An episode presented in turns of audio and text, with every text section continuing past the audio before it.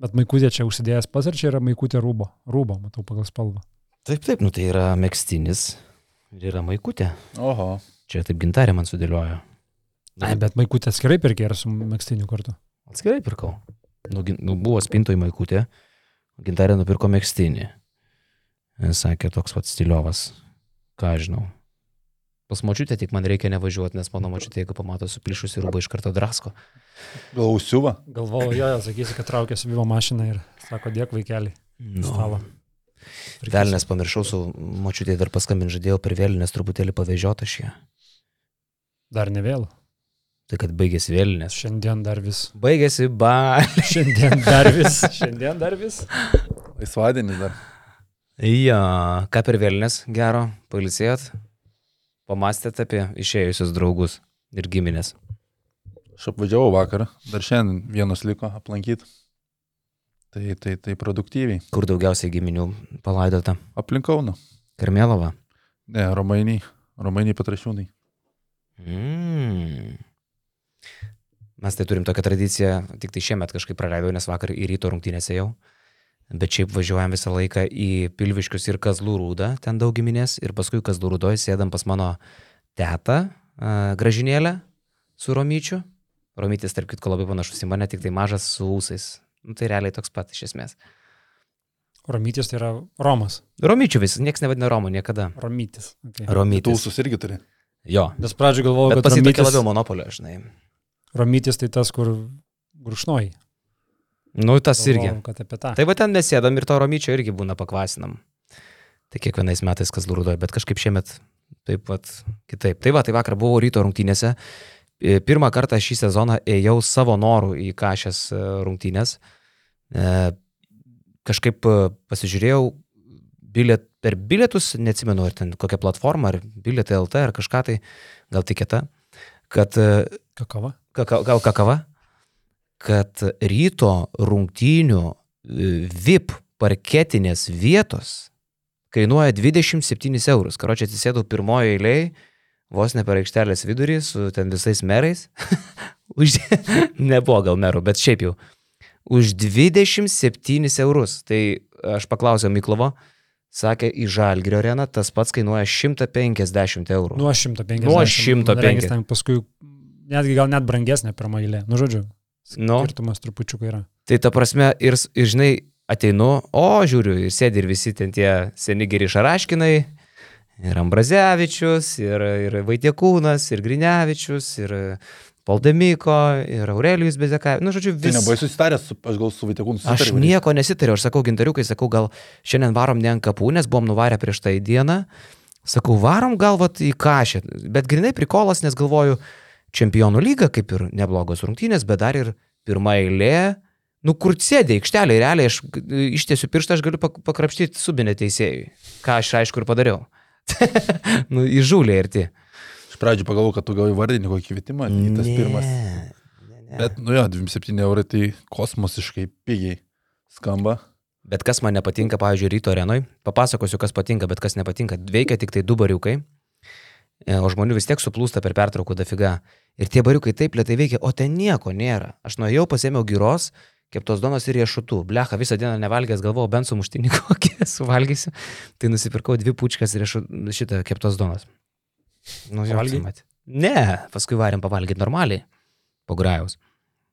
Bet atmosfera, wow. Uh, vis dėlto tos mažos salės jos turi savo, nes, nu, susirenka 2000 žmonių ir jie kūrė, uh, aš nežinau, buvo 2000 turbūt vakar.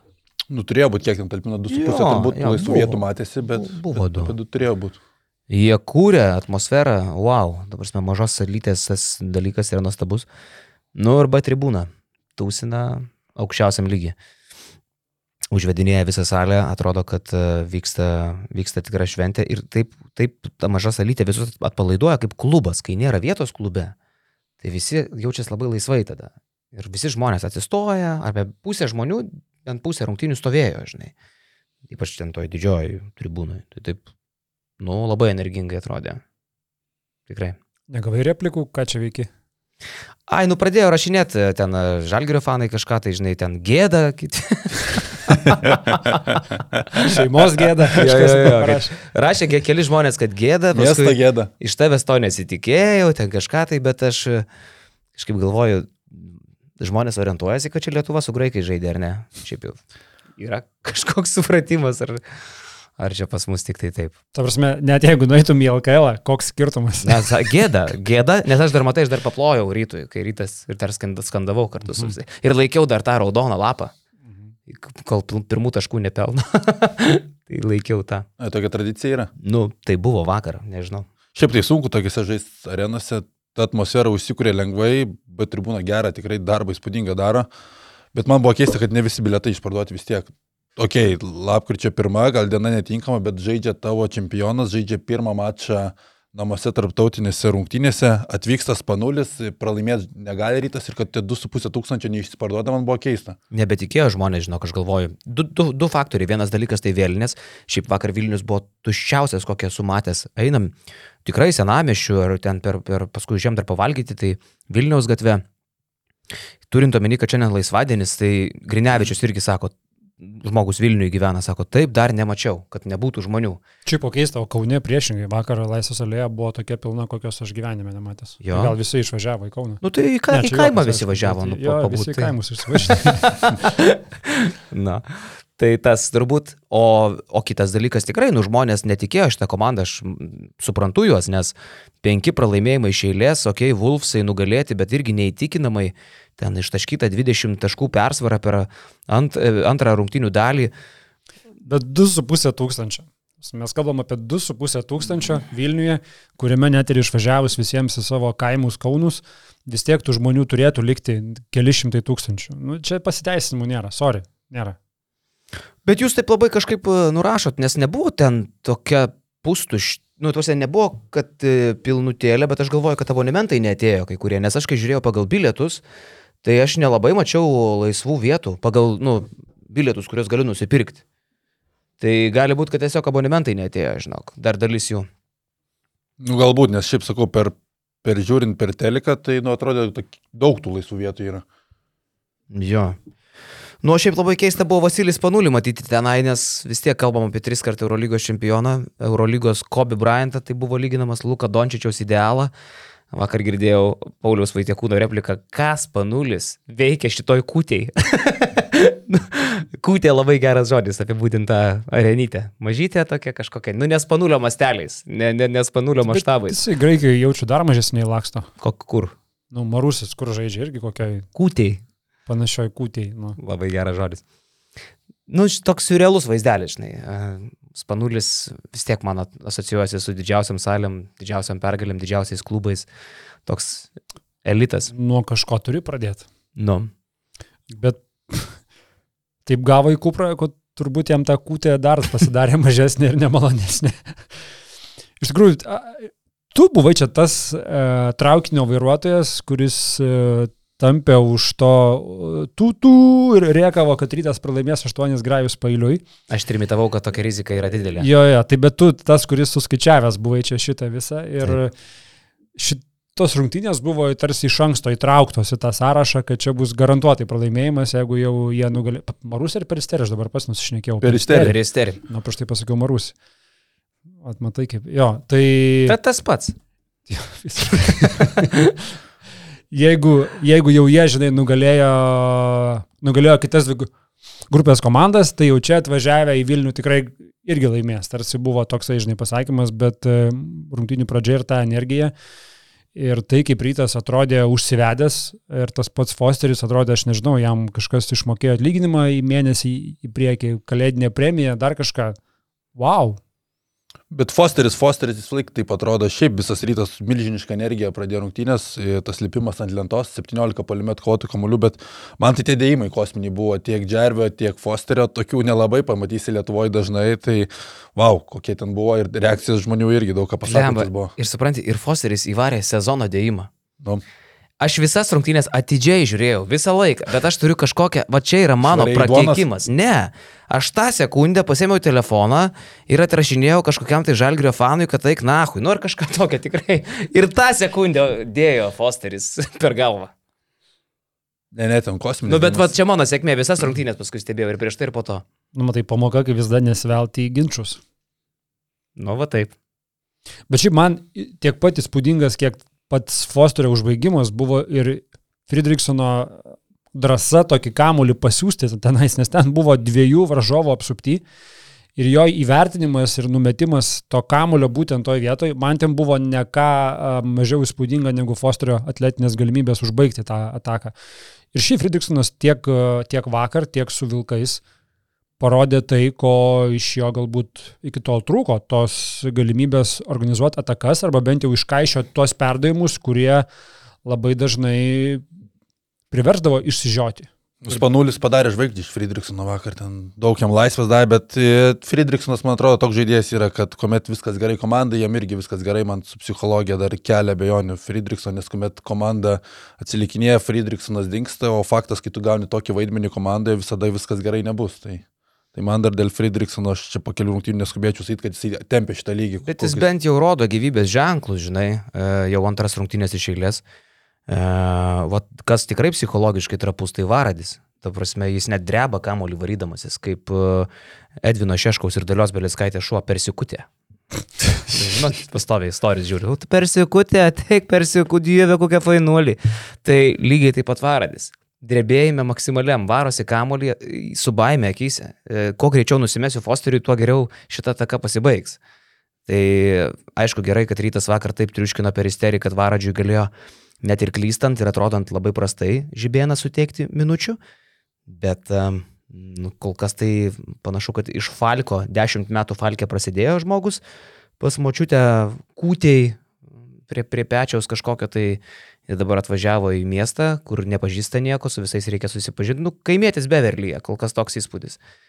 Ir mm, labai sunkiai atrodo vardas. Bet savo, kad jo pirštas dar labai ištinės po tos traumos. Kad galva pirmiausia jo ištinus yra. Matai, dešimt metų vienam, vienam tu pakeitė aplinką, nėra lengva turbūt, bet man dėl varadžio lygio aš manau, kad jisai įsivažiuos, bet kokiu atveju tai yra didesnis kūnas, toj, toj pačioj čempionų lygiai, kad ir savo namuose atrodė tikrai solidžiai ir aš manau, kad Varadis ateityje nebus problema, bet tiesiog rytas, dabar mes kalbame apie tą sudėtį ryto, kad sutaupė pinigų Viterso, pasirašė Lekūną ir galbūt čia reikia papildymo, tai aš iš tų pinigų ieškočiau ne kažkokio aukšto ūgio, kur yra Džervis, kuris gali žaisti ketvirtų, yra Masiulis, yra tas pats Lekūnas, yra Kairys, yra Ehodas, ten tų aukšto ūgio yra.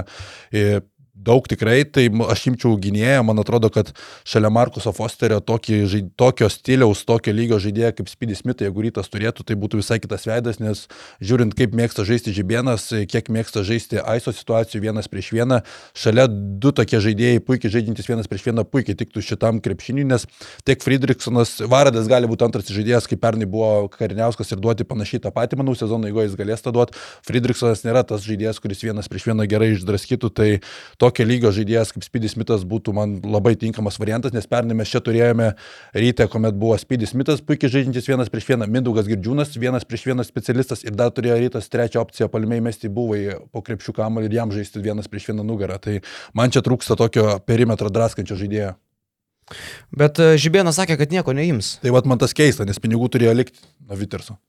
Nu, aš nesuprantu Lekūno paskirties, jis tiesiog yra per silpnas, aš nepagaunu, ką čia rytas bando su juo įrodyti, aš galvoju, kad jie labiau save apgaudinėja, kad jisai tempia komandos lygį, nu, vien ko verti skaičiai, šiandien tokią rubriką pasirašiau, ar žinote, kad Tomas Lekūnas čempionų lygoje vidutiniškai renka po 0 balų per 10 minučių kol kas. Paskutinis mačas su Vilkais minus 4 balai. Nu, visa pagarba jam, bet tai buvo žmogus, kuris buvo neblogas pasvalio pieno žvaigždžių ir vidutinis lietkabelio žaidėjas. E, labai vidutinis. Tai e, rytas juo pakeitė Vitersą. Ir Žibėnas sako, kad aš netikiu, kad atvažiuos kažkoks tai žmogus ir padarys stebuklų. E, be abejo, kad ir nėra stebukladario už tokius pinigus, kokius rytas galbūt yra pasiruošęs mokėti naujokui, jeigu pasiruošęs. Bet čia ir nereikia stebukladario, čia reikia krepšininko, nes kol kas, nu, šitoje pozicijoje rytas pataupęs turi susilpnintą sudėtį, kuri vakar įsikrapštė, bet tai, tai vis dar yra geriausios sezono rungtynės. Iki šiol. Uh, smagu, bet visą laiką geriausių nežaisi. Turi būti stabilumas kažkoks tai. Aš manau, kad rytas čia gali išspręsti tą bėdą su ketvirtu stumint Džervį, kaip vakar pradėjo starto penketė Džervis ketvirtų, nes yra Ehodas su kairiu panašaus stiliaus centrai, Džervis gali kažkiek žaisti ketvirtų, Lekūnas su Masiuliu yra tie tokie krepšininkai, kurie ketvirtoje pozicijoje gali kažkiek išplėsti perimetrą, bet aš galvoju, kad čia bus naudojamas daugiau Radzevičius. Pernai rytas savo sėkmingiausias atkarpą žaidė, kuomet ketvirtoje pozicijoje žaisdavo Arnas Butkevičius ir pagal tą, ką nori žaisti Žibienas, panašų žaidimo stilių propaguoti kaip pernai, tai manau, kad Radzevičius stumsis į ketvirtą, tai aš sakau, jeigu jeigu reikėtų stiprinti, jeigu matai, kad tu turi pinigų, turi tam lėšų, tai aš tikrai imčiau gynėją. Kuris, kuris būtų ir savotiškas draudimas, jeigu, kaip sakai, Varadis, tu tikėsi, kad jisai ateis iki kariniausko rolės, bet jeigu jisai neteis, galbūt ir savotiškas draudimas ir šito vietoje. Nes jeigu Lekūnas 0 balų, tai Varadis per 3 rungtynės čempionų lygoje sumoja minus 8 balų. Yeah. Tai va čia gal net didesnis klausimas, ar tas pats Varadis gali užaukti iki tos kariniausko rolės. Ir tada to žaidėjo dar vieno, kaip ir sakai, ne tik tai reikia, kad ir šitą rolę dengtų, bet ir kažkoks būtų dar vienas draskantis krepšininkas. Tai jeigu kažkokį... Bet aišku, ištraukti šitoj sezono stadijoje tokį žaidėją, tai gali būti labai stipriai šaukštai po pietų. Šiandien... Nu, pažiūrėk, Anadolu paėmė ir nusipirko Izėją Taylorą. Iš nežinau, iš kur jie išsilupo jį. Anadolu, žinai, gali savo. Iš Ispanijos, leisti. Mursijos ar kur tenai. Jis laisvas buvo, kaip supratau. Pernai, sakėm, Žalgiris panašių metų pasėmė tą Websterį. Tai va, kai tavo galimybės tokios, tu ir pasiemi. Bet žinok, kad ateitų dabar tai Websteris į rytą ir tai nebūtų paskutinis žmogus. Nebūtų blogas pirkinys šitam rytui. Už varadį būtų geresnis. Ne, nu, tai ten būtų, manau, kad labai neblogas žmogus čempionų lygoje. Bet ar būtų geresnis? Kaip Galatasarajui, kad lošia kiek ten 10-11 taškų. Jo, jo, tu Europos turėjai turėdavo. No. Tai ši... Bet ar būtų geresnis už, už, už tą patį Friedrichsoną? Manau, kad tikrai. Būtų. Atletiškumas kitas, vien gynybai daugiau duotų. Manau, kad Websteris. Lemba, bet uh, Elvaras jisai trajekėlių pasiūlo. Nežinau, aš. Nežinau, čia, čia lyga, abu labu tokie, nu. Abu, abu, abu su minusais aiškiais. Abu su minusais, taip. Jo, bet šiaip. Anto, Anthony Davis.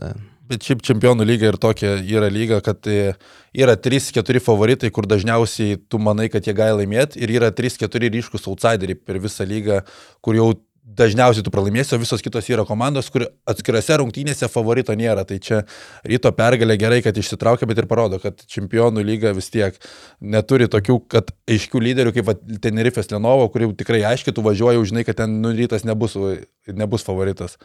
Ir šiaip dabar sužaidė lapkričio pirmą, Ir dabar mėnesis laisvas iki kitų rungtynių čempionų lygoje. Lapkričio 30 su peristeriu žais išvykoje. Tai čia iš vis žiaurus turnyras, pavyzdžiui, čia yra tik tai šešerios rungtynės grupiai. Ir jeigu tu užėmė paskutinę vietą, tavo sezonas baigėsi gruodžio pradžioje, gruodžio, ne pradžioje, gruodžio 21 gal. Tai tu prieš naujus metus pabaigai sezoną. E, šias rungtynės sužaidęs. Ir Fosteris, e, Fosteris perka, perka bilietus į Ameriką iš karto. Tai kažkada senai tokia būdavo Eurolyga, kai dar turėdavo reguliarų ir paskui top 16 lygiai taip pat, kol dar neturėjo to pažeminimo į, į Eurocapą.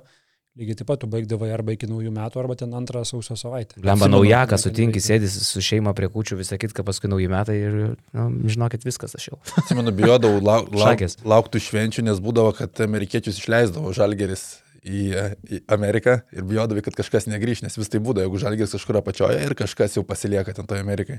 Arba mhm. būdavo antraštės e, kalėdinė dovana, žalgis užsitikrino vietą top 16, nes ten ja. visą laiką, žinai, paties galo kapodavas ir paskui mm. jas dar tęsim. Bet šiaip apie rytą kalbant šitą pergalę, turnyrinį lentelę jiems nelabai gali ką ir pakeisti. Jam bet kuriuo atveju reikia namie dabar apsilošti Herz, Herzlyjos. Herzlės Bleino čia. Puikus klubas. Kas aišku. Čia, čia vis tiek yra esminės rungtynės. Jas vis tiek kaip ir iki tol turėjai laimėti, taip ir dabar turi laimėti. Šitą pergalę turnyrinį lentelį reikšmę kažkokią turės nebent tuo atveju, jeigu peristeris toliau klibės. O... Reikia antrą, kad peristerį nugalėt mėnesio pabaigoje. Tada viskas keičiasi. Tada viskas jo, jo stipriai. Piktas buvo Spanulis dėl tos paskutinės žibėno pertraukėlės, kai likus dviem sekundėm paprašė pirmaudamas 20 keliais taškais. Bet turbūt, kad nepyktų Spanulis e, dėl to jau atvėsus emocijoms, nes aš kažkaip vis galvoju, kad yra kai kurie dalykai krepšinį sureikšminti, kaip kad, tarkim, atsiminkim, Rimas Kurtinaitis kažkada ant šalengos tai labai pyko stipriai, kur tipo atakos laikas buvo mažesnis už rungtinių laiką ir šalengą metė. Iš 10 metrų paleido ir pataikė. Nu, ir pataikė. Ir, ir tokie pykčiai dėl pykčių atrodo jie kartais jokingai. Tai nėra tas pats, kas, kaip sako Kurtivaitis, parident pralaiminčios komandos treneriui kamuolį ir taip iš jo pasišaipyti. Ar ten uh, atsisukti soliuką ir paplot pralaiminčiai komandai, kaip nors įsivaizduokim. Tai tiesiog yra turnyras, trumpas turnyras, kur galbūt tu gavinėsi po mėnesio Atenuose 20 keliais taškais ir tie 2-3 taškai loš ką mes žinom. Tai aš nelabai suprantu tos panulio demonstratyvaus taimauto nevedimo. Jisai paprašė žibienas per traukėlės panulis nepatenkintas tenais. Kažką tai nueina prie savo komandos ten įpusėjus minutės per traukėlį. Nu, Nu, žinai, jis Nu. jaunas treneris, dar, dar jis visai kitaip reaguoja. Aš manau, jis kuo, legenda. kuo daugiau pamatys tokių situacijų, tuo jis gal kitaip į tai reaguos. Nu. Tai va, tai tas, tas šiek tiek nustebino. Labai nepatiko man ryto fanų, kurie taip gerai varė visose rungtynėse, pabaigoje vis tiek turi didžėjus mamanė išjungti muziką ir jie skanduoja žalę kurvą. nu, fuck, vyrai, nu, nu, nu, nu, nu, Nu, artėja derbis. Nu. Antėja pristato rungtinių šeimą, nu, nu kam reikia šitų dalykų. Tai, bet čia žinai, kai sako, Kaunas e, kompleksuoja kaip antras, kompleksuoja prieš Vilnių ir amžinai ten e, ieško būdų pranešti, kad mes jau pasistatėm stadioną, 103 kilai jums iki nacionalinio stadiono, važiuokit. Ar dar kažką, nu čia yra antro kompleksas prieš pirmą, neįsivaizduokim. Nors aš galvoju, kad Kaunas šito turi vis mažiau ir beveik nebeturi. Tai rytas turi tą antro kompleksą prie Žalgirį. Tie fanai, nu, nu, nu, nu, ar jūs įsivaizduojate Žalgirio fanus pasibaigus Eurolygos rungtynėms skanduojant šūdą raudoną, įveiksim šūdą raudoną? Nu, tai tam Žalgiriui tas rytas ir net niekada nepagalvotų apie, užpipink šitą vietą, niekada nepagalvotų apie tą, uh, supranti, rytą po Eurolygos rungtynių. Ryto fanai mato ne tik tai norą paskanduoti žalę kurvą, bet dar ir didžėjus išjungia muziką, kad tą padarytų visi. Praneždami, kad sekmadienį žaisim rungtynės čia Jeep arenoje. Nu, nu, nu, nu, nu, va čia yra kaimas, ta prasme. Nu, Čia tikrai yra kaimas. Kam to reikia? Kam, kam, tai kam šito naudinga? reikia? Jūs ką tik laimėjot rungtynės, ką jūs čia pranešat žalgiriui, kad, mačiutės kamina, kad bijotumėt e, mūsų, ar kad čia mes ateinam, nugalėjom peristerį, mes ateinam. Mm, Gerai. Kam? Nežinau, a- aš man, man yra daug gal dalykų nesuprantama, tai ką daro fanai, bet aš tai nesivelsiu. Kodėl? Kodėl, o kam? šventės. Kokios šventės? Šventės, atsiskambina mačiutė, šventės, gera nuotaika. Šiaip, uh, gal kol dar esam, ar dar kažką apie ryto žaidimą pašnekam? Uh, nu, Rokui Jama Grajauskui dar noriu nusiųsti linkėjimų, pasakyti, kad puikiai pritaikytos jo skanduotės, jo tekstai, e, skambantis e, tribūnose. Fantastiškai gerai skamba geresnio klubo už Vilniaus rytą, aš nemačiau, nemačiau, nemačiau, čiau, čiau. Čia visus užkrėtė iš šito ar visi Ir pradėjom kol aš gyvas, net, per vedi, net už vedybas komanda reiškia man daugiau. Ir paskui užsiveda tie 2000 toj kūtį. Na, na, na, na. Fantastika. Sugrįžti į LKL finalą pavasario. Jo, ir tas na na na na na na na na na na na na na. Bet geriausiai skamba, kai ryto fanai kažką murma, murma, murma ir tada he, na na na na na na na na na na ir visa tada salė į tą. Nu gerai, taip originaliai. Tai čia Grajauskas, kaip supratau, yra teksto autorius viso šito. Pagarba. Nu. Tai va. Ai, nu ir dar dėl Fosterio tik norėjau pasakyti, pasižiūrėjau, kad jo statistika čempionų lygoje yra beveik dvigubai geresnė negu LKL. Tai irgi darau išvadą, kad tai to tipo amerikietis, kuris laukia stipresnių varžovų ir didesnės rinkos pasirodyti. E, dėl to spėju, kad sekmadienį rungtynėse su Žalgiriu mes matysim irgi Max motivuotą Fosterį pakartot 24 taškus 10 atkovotų ir 6 asistus kaip vakar. Tokį matėm ir su Vilkais, kai liko per kamulį nuo trigubo dublio, kur ten net gal ir galėjo užrašyti. Aš nežinau, kaip, e, koks yra sutarimas tokiais atvejais statistų, kam jie užrašinėja tą kamulį, ar tam, kuris pamuša, ar tam, kuris sugauna. Tam, Gal kuris sugauna. Tam, kuris sugauna. Čia aš kaip fantasy daug kartų nudegęs dėl va šitų, tai jis prasinervavęs. Keiveras. Keiv, jo. Perėjau prie kito. Tapsme, numuštas kamuolys buvo jam į rankas žemaičio ir Mhm. tada jam turėjo būti tas Bet kamuolys. šiaip kaip kada, žinok, čia dar reiktų pasigilinti. Kartais rašo team, ti, e, komandos atkovotas kamuolys, tiesiog nepriskiria nieko. Pačios esu matęs, kai e, išmuša kamolį žaidėjas ir jam užrašomas perimtas kamolys, nors tą išmuštą kamolį pagauna kitus. Aš irgi esu matęs, kad numuštą kamuolį už, užskaito tam, kuris ištraukia. Arba, pavyzdžiui, tu iš, ištraukinėjai iš auto, ne, ir tavo visas darbas būna ištraukti, o ne kažkieno, kur pagauna, žinai.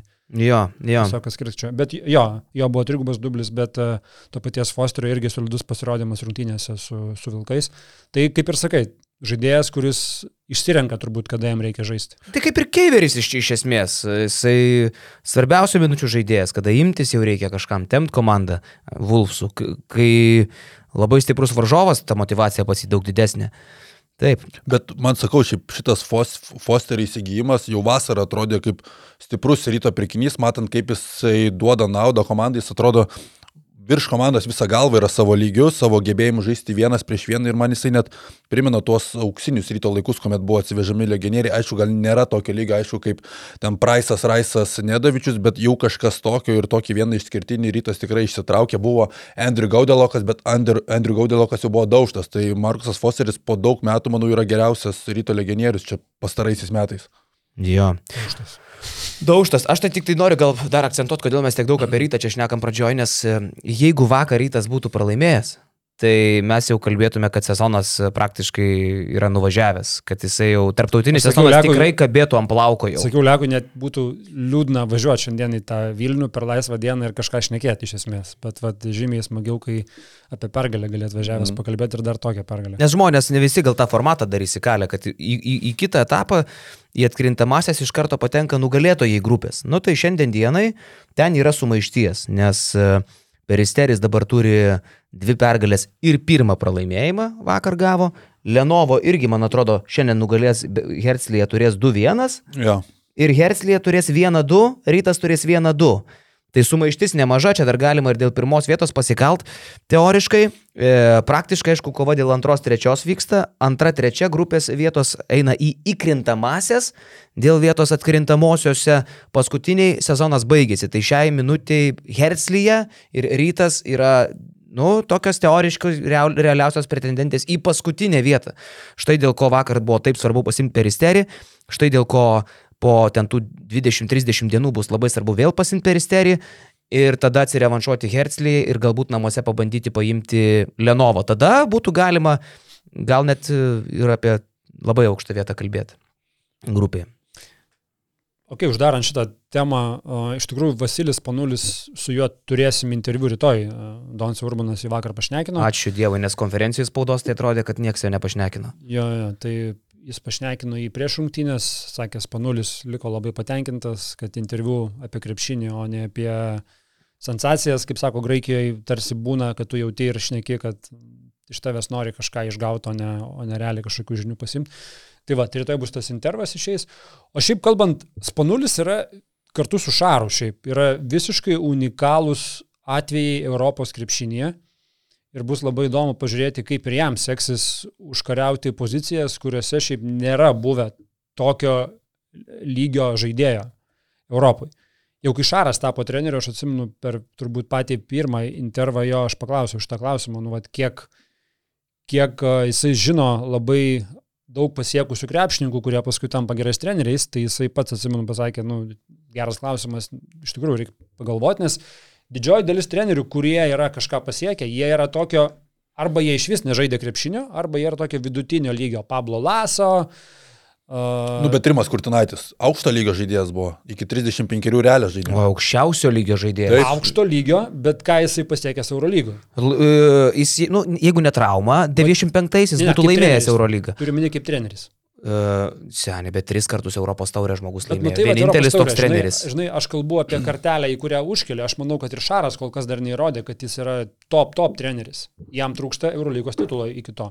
Ir mes čia kalbam apie Kurtnaitį, kuris Eurolygo iš vis net, net nėra nuėjęs iki finalo ketvirto. Tai aš kalbu, kad... Bet yra nuvaręs Himkus.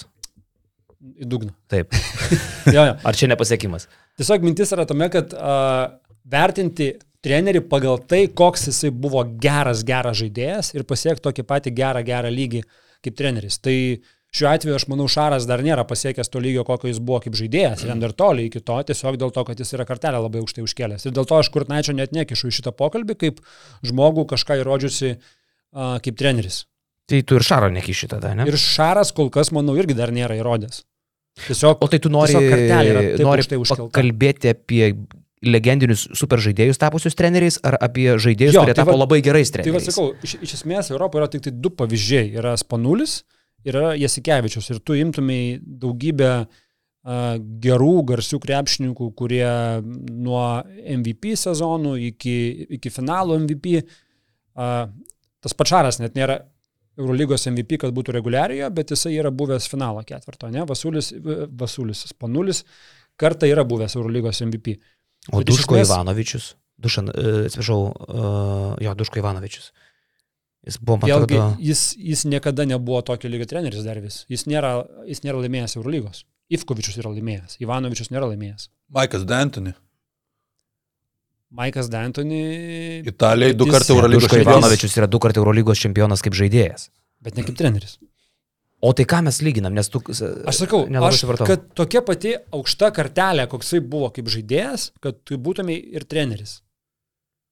Tarkim, uh, nu, buvo tokių bandymų NBA, kur ten kažkokie tai garsesni žaidėjai uh, pabandė būti treneriais, bet iš esmės netgi tas pats Larry Berdas, kurio trenerio karjera yra laikoma kaip pakankamai nebloga, jis tiesiog nebuvo treneriu, jis pradirbo vos trejus metus, jisai iš anksto nusistatė savo ribą, sako, yra treji metai, aš tiek pavadovausiu kaip treneris ir aš paskui išeinu, nes mano galva žaidėjai po trijų metų tiesiog atsiriboja nuo trenerio. Okay. Čia buvo paties Berdo toks mąstymas. Tai jis, kad ir paskutinį sezoną nuėjo iki NBA finalų, pralaimėjo su Indiana Los Andželui, jis po to pabaigė savo karjerą kaip trenerio. Dar yra atvejis uh, Bilo Russelo, kuris legenda kaip žaidėjas ir jisai savo žaidėjo pabaigoje buvo žaidžiančiuoju treneriu ir du kartus tapo čempionu kaip treneris, kur irgi tokia situacija nelabai tiksli, nes jis paskui pabandė keliose komandose dirbti vyriausių trenerių ir jam toli gražu taip gerai nesisekė. Tai mintis tokia, kad iš esmės net pasaulio pavyzdžių nėra tokio lygio krepšininko, kuris laimėjęs labai labai daug, paskui taptų ir čempionas kaip treneris. Tiesiog nėra. Yra žymiai daugiau Vadželko Bradovičių, Pablo Laso, tas pats Ivanovičius, kuris, nu, kad ir du kartus Eurolygos čempionas, bet jisai nebuvo topinis žaidėjas. Želko buvo- kaip žaidėjas laimėjęs. Bet vėlgi, jis, jis nebuvo vedantis žaidėjas, jis nebuvo tas, kuris diktavo madą žinai. Okay. Nusakyčiau, D'Antonis gal arti to. Du kartų Eurolygos čempionas kaip žaidėjas, po to du kartų žiūriu išrinktas NBA metų treneriu. Jo, tai va. šitas, Tavo žinai, mintis, kad nėra... Jis, nėra jis, jis netapo čempionu, pavyzdžiui. NBA čempionu jisai netapo. Netapo. Tavo mintis, kad nėra, e, lab, e, nėra pasaulio istorijoje super krepšininko tapusio super, super treneriu. treneriu. Taip, jo. Yra, yra gerų variantų buvusių, arba dabar, ta, tarkim, bandančių, bet vėl, vėl ne tas pats pavyzdys. Steve'as Nešas du kartus NBA MVP kaip žaidėjas, Fired. atleistas. Fired. Tai va, dabar tas pats Žaisminas Kidas bando, ne kažką. Nu, ten tokių, ar ten Šonsi Bilupsas finalo MVP, bet ar jis tikrai top, top, top, top žaidėjas? Ne, nu jisai geros lentynos žaidėjas, bet ne top, top. Jakalakovičius, e, jam prognozuojama irgi gera Vėl, karjera. bet jisai nebuvo top, top, top žaidėjas. Man tai Jisai- stop. jis- jisai mes vakar tam kalbėjom, baigiam pokalbį, aš dar tai pravirkau, kai mes pasikalbėjom, nes, e, e, sakau, Valakovičius, žinai, ir tu sakai, jis, bet jis neįlievas ten, nu ar net ne top. Man tai stop. Aš atsimenu Slovenijos rinktinį, kaip jisai daužydavo tą kairę rankytę. Barsoje 20 laimėjo Eurolygą, nu super playmakeris. e, Mm. Nu, okei, okay, tapęs čempionu. uh, Aš tai bet- į, į top lentyną bet- dėčiau. bet Nedėtum jis- Bet jisai niekada lentyną. nebuvo esminis žaidėjas komandai. Pavo buvo. Pavo buvo esminis. Taip, taip. Buvo, buvo, žinok, dėčiau į, į lentyną su i- iki Spanulio ir Šaro, aišku, kad ne, bet... Uh, Už jų. vat, vat čia, vat jisai, čia jie, nu, vat, žinai. Nu, okei, okay, o tada kur dedi kokį John Robert Holden? Į Lakovičiaus lentyną kaip minimum, bet Į arčiau Šaro ir... ir, ir Aš tai aukščiau dėčiau negu Lakovičių. Holdeną. E, pff, Holdenas topinis. Topinis, topinis. Visiškai. Tai čia topinis. Sergio Rodrygės, Holden, e, Teodosič, Šaras, čia, čia ta lentyna. Gerai, tada, o toks tajus Edney. Tajus Edney turėjo fantastišką sezoną su Žalgiriu, paskui dar televizija neblogai judėjo, ne, bet tai, bet tai ir viskas turbūt. Nors ir šiaip tai ir Šarą mes dažnai šnekam a, kaip apie, e, wow, legendų legenda, bet iš esmės Šaras buvo legenda per trejus ketverius metus. Toks jau tas topinis šaras. Nuo 2-3 iki 2-6-7 ša... ir tai jau išvažiavo į NBA ir viskas. Kokius 3 metus šaras buvo topų topas, tas, apie kurį mes šnekam dabar. Tai ir Ednei lygiai tas pats. Ko gero panašiai. lentyna. Legenda sukurtų užtenka 3-4 metų. Ne, kad tu neigiu, aš dėl to ir nekvestionuoju, kad Šaras yra šudas. Jo. Aš tik sakau, kad, tai, kad trumpai ta žvakė dega, žinai. To, to, to uh, vadinkim, vaško nėra daug. Šiaip mane kas nustebino šitai temai ruošiantis. Vėlinės tai, visgi. Kiek, oho, Matėjai? mačiau. Čia profesionalas. Mačiau visiškai. Kiek trenerių, kurie dabar yra topiniam lygyje, pradėjo darbą iškart šito rolių trenerio, net nebandė žaisti, būdami 17-18 metų. Tai aš, aš jums pradžioj įvardinsiu vieną va tokį atspėti ir paskui pavardinsiu visus kitus žaidėjus. Tai va vienas pavyzdys. 17 metų pradėjo treniruoti jau komandą kaip asistentas, 29 pradėjo vyr trenerio karjerą. Paskualis. 38 tapo Eurolygos čempionu. E, palauk, pasakysiu. Įtudis. Naup. Nope. E... Šiaip pradžioje būčiau sakęs trinkierį, bet čempionas. Tai kad 17 netapo. metų pradėjo 38 šitas... laimėjo Eurolygą. Jo. Želko. Želko anksčiau. Želko 30. 31-30 jisai tik pradėjęs tapo. Plus jisai žaidė, o čia yra žmogus, kuris nežaidė, 17 debutavo kaip treneris, 38 jau buvo Eurolygos čempionas. Basokas? Barsokas? Etorė Mesina. Etorė Mesina. Šiaip esu protmušį ruošęs ir vat, atsimenu. Jo, tai vat, Mesina, Paskualis, tavo minėtas Itudis, Boždaras Malkovičius, tas pats legenda, jie nežaidė krepšinio, jie iš karto pradėjo nuo jaunų, jaunų dienų ėmėsi šito darbo ir va, iš esmės kai kurie iš jų visiškai drąsiai vadinami legendomis. O Atamanas žaidė krepšinį irgi. Atamanas žaidė. Žaidė? Atamanas žaidė. Kur? Kauno krepšinio mėgėjų lygoje? Panašiai. panašiai. Uh, Bardzokas minėtas, Blatas irgi žaidė. Barsokas dar buvo geras krepšininkas, tarp kitko. Dvimetrinis. nu. Jo, kol galiausiai abiejų kojų įsielai. TJ Parkeris irgi žaidė, bet ma- mažokai ir nelabai aukštam lygiai. Mažokai, mažokai. Ja. Jo, dar jeigu šiaip grįžtant trumpai apie Spanulio karjerą, tai visi prisimenam tos jo įspūdingą žaidimą paskutinėmis minutėmis, e, pastovų Maskvos CSK žudimą, geriausiai prie Olimpijakos laikus, bet čia savaitgalį pažiūrėjau The Redeem Team e, apie 2008 metų Amerikos rinktinį ir ten buvo primintas tas 2006 metų mačas pusfinalyje. Ten per mažai netgi kalbama, kaip graikai tuomet laimėjo prieš tikrai pajėgė jau tuo metu e, amerikiečių rinktinė, kuri jau buvo pasikvietusi Kryževskį, kad gelbėti juos, bet tuomet ten Spanulis 22 taškus gali varė pusfinalyje. Čia 2-6. Jo, 2006 metų pasaulio čempionatas ir po to sezono išvyko Spanulis į NBA, į Rocketsus, e, kur tikrai galvoja, kad turės gerą karjerą ir kas man yra įsiminę, kad jisai atvykęs į NBA ten negaudavo daug laiko žaisti, bet jisai visiems treniruotėse pasakodavo, sakydavo, kad aš esu Europoje Treisis Magreidis ir sako, čia duokit tik tais man kamuolį ir aš žaisiu. Mhm. Ir ką? Ir nedavė. Ir baigė su dviejų taškų vidurkio 8 minutės ir grįžo į Europą. Ir pasirašė kontraktą tokį, kad mažą nepasirodė. Pradžiui su Pau pasirašė, po to po kelių metų jau į Olytą. Žinai, ateitų vienas dėdė ir pasakytų, ką jis ten pasirašė. Kiek jis ten gavo tą mulį. Dešimt lemų gavau, na. Europos Treisis Magreidis. Šiaip ar tai bus įdomu žiūrėti, kaip jiems seksis Kiek jis ten karjerą. pasirašė tų pinigų? Ką jis ten gavo? Ką? Ką jis gavo ten? Du? Du. Kur? Tarp kitko, apie šaibas kalbant, galėsim pašnekėti. Puikus straipsnis basketiniuose, man tai patinka, kad Bet mes einant, pinigus knisamės. einant- Brangiausio Eurolygo žaidėjų e, top 15, vad pašnekėsim dar šiandien. Jo, bet einant, kol dar nuėsim iki šaibų, pakalbėkime apie partnerį, kuris pristato mūsų šios dienos podcastą. Kuris mums moka Iš šaibas. esmės mes dėl to šiandien laisvadienį visi čia kėlėmės iš lovų, pylėmės kūrą į automobilį. Nu, aš iš viešbučio, aš, aš Baltui mokėjau iš viešbučio. Vilniui gyvenai. Lekas dirba. Čia taip? Šitaip. Twin Sport.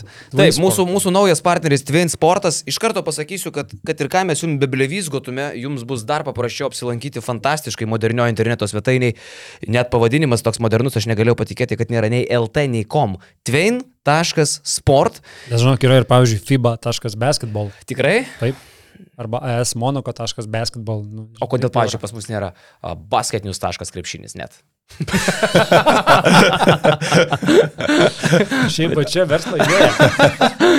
Nu, krepšinis ir- net, pavyzdžiui, dabar sponsorina savo Tada- podcastus, įvedi Basket News. Tada tu meta- paieškoji, meta krepšinis jo. net podcastus, Jo. žinai, šitą Jo, variantą. jo.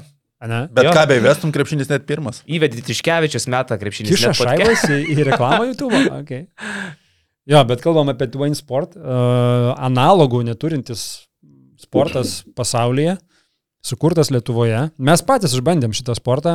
Jūs neišbandėt, jūs tada buvote abu traumuoti. Man širdelė sakė, tuk, širdelė tuk, tuk kažkaip tą dieną. Mano nugarą net laikė. Jo, nes mus buvo pakvietę praeito sezono pabaigoje, ten dar kol jie net nebuvo pradėję veiklos, išbandyti šitą reikalą, tai mes surink, surinkom virš dešimt vyriukų. Turėjo būti daugiau, bet Karolis buvo visiškai game time decision out. Aš apsirengiau, Apsirinkė, užsidėjau viską, slyvus, headsetą. Norai, norai geri buvo. Headsetą užsidėjau, tą mikrofoniuką. Bet ne, vis dėlto supratau, kad... Uh, šiandien. baltmė. Bet čia labai svarbu akcentuoti žmonėm, kad mes tai ten pablatų nuėjom. kadangi esam tiesiog žvaigždės.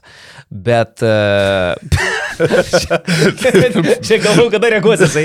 Bet, bet šiaip ten jie nekviečia žaisti, jie kviečia žiūrėti tą sportą, nes tai yra uh, generacijai Z arba mileniumam. Tai yra šiandieniniam jaunimui. Kartai. Kartai. Z kartai. Jo. Buvo toksai žaidimas kažkada e, sekmadienio loto ar koks nors, kai ten vedėjas sakydavo, o dabar generacija. Ir skaičius ten suka, suka, suka. Ir, nu, žodžiu. labai greitas, labai dinamiškas žaidimas ir jis vyksta non-stop visą parą beveik, uh, kiekvieną dieną, net ir dabar nuėję į tvein.sport galit pasižiūrėti, kaip tai atrodo.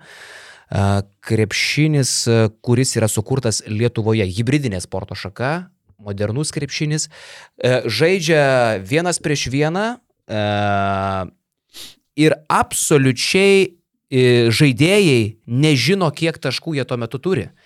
Nes pats kompiuteris nusprendžia, besivaržant dviem sportininkam, kiek yra įvertintas vienas ar kitas taškas. Yra trys metimų taškai. Kitaip sakant, tu mesdamas iš arti, nežinai, galbūt šitas metimas vertas trijų, galbūt vieno taško. Tik tai, kad tiek vienam, tiek kitam metikams e, e, atliekant metimą, jo vertė yra vienoda.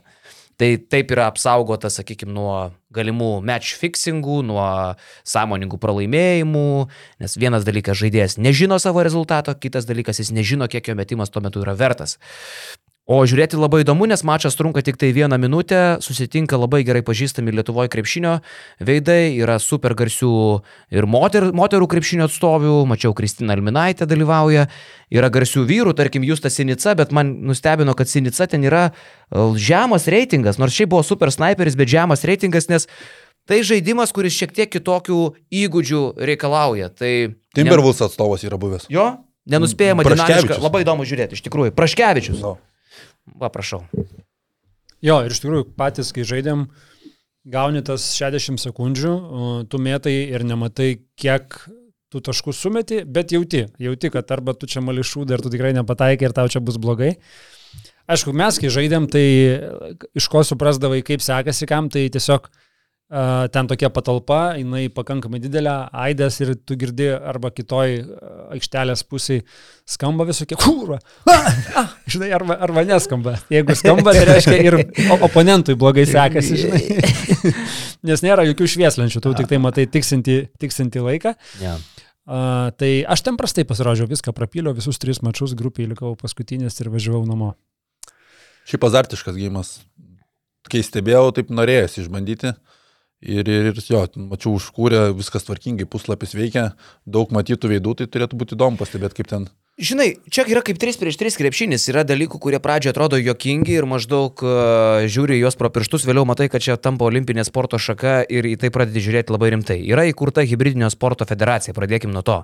Tai nėra, nėra kažkoks lošimo automatas, žinai, kur atėjai, ir sumetėjai euriuką įvarėjai, dar paskui kreušę praeidamas pro šoną, prajungiai vieną, žinai, ir, ir baigėsi tavo balius. Ne. Yra įkurta hybridinio sporto federacija, jos vadovo pareigas eina Romualdas Brazauskas, geriausias visų laikų Lietuvos teisėjas. Tai man atrodo, kad e, mažų mažiausiai savišvietai reikia susipažinti, kaip tai atrodo. Lietuviai šitą dalyką sugalvojo ir pasiūlė pasauliui. Lietuviai yra šito dalyko pradininkai, būtent Vein sportas. Tai e, Nu, tiesiog užmeskite akį, manau, kad visai užkabina, vyksta turnyrai, vyksta jie kiekvieną dieną. E, Vyrai gauna nuo moterų, moterys gauna nuo vyrų, viskas labai suvienodinta. Sakau, e, tvein.sport, e, pasidomėkit, man atrodo, kad visai, visai lips šitas dalykas. Ir esmė, kad savas negalėtų ateit padaryti. Fu, fu, fu. Savas galėtų. Galėtų? Galėtų. Savas galėtų, nes, nu, ten kaip tik to ir reikia. Aš galvoju, kad čia, e, manau, spėju, kad šitas dalykas pasauliui turėtų visai neblogai sujudėti ilgainiui.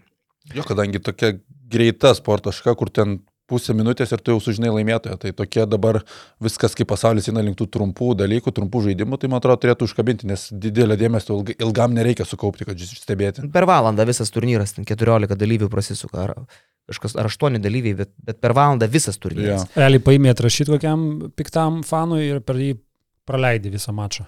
Net, Taip. net ne vieną epizodą, bet visą mačą. Va, taip viskas greitai vyksta. Taip, taip. Dar turim padėkoti ir savo pliusams, uh, ypatingai savo milašiams, kurie garbės lentoje išskirti yra tamsiau. A, Jų yra šiuo metu 18, Jau. padaugėjo. Taip, a, ir jie yra šie. Mindaugas Vepštas, Sports News LT, Marius Milaševičius VB Mačiūnais, Simonas Plungė, Game Room LT, Rasi NBA 2K23, štai taip išnaudoja savo poziciją. Kas?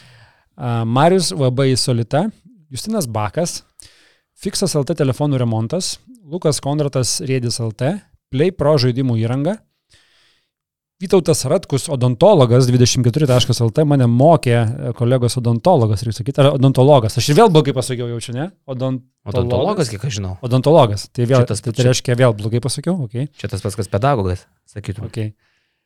Nepriklausomų eks, auto ekspertų agentūra Verlita, Delona LT, kava arba T prieskoniai dovanos, Sport Guru LT, kėdai bei laisvalaikio apranga, Vaidas Matulionis geriausi pokalbių planai.lt, UAB kokybiški vandenys, vandens filtrai, BC Wolves iš Airijos ir OnPlay LT.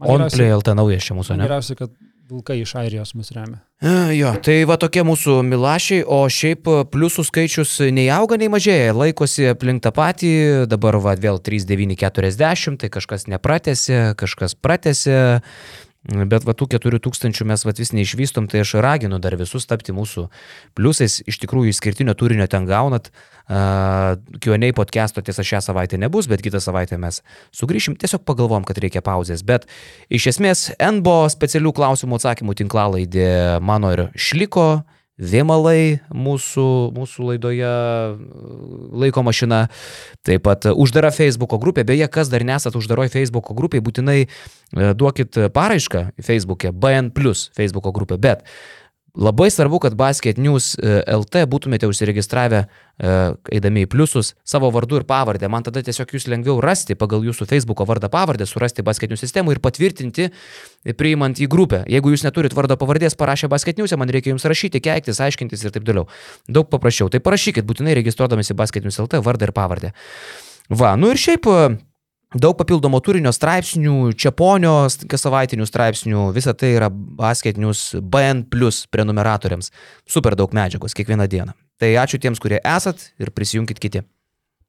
Viskas. Valio. Grįžtam gal tada prie, prie, prie dalykų. Uh, Užsiminė apie brangiausius žaidėjus. jo, fantastiškas straipsniukas. Kas jį rašė? Nemačiau vardo pavardės. Kasgi galėjo jį parašyti? Tu?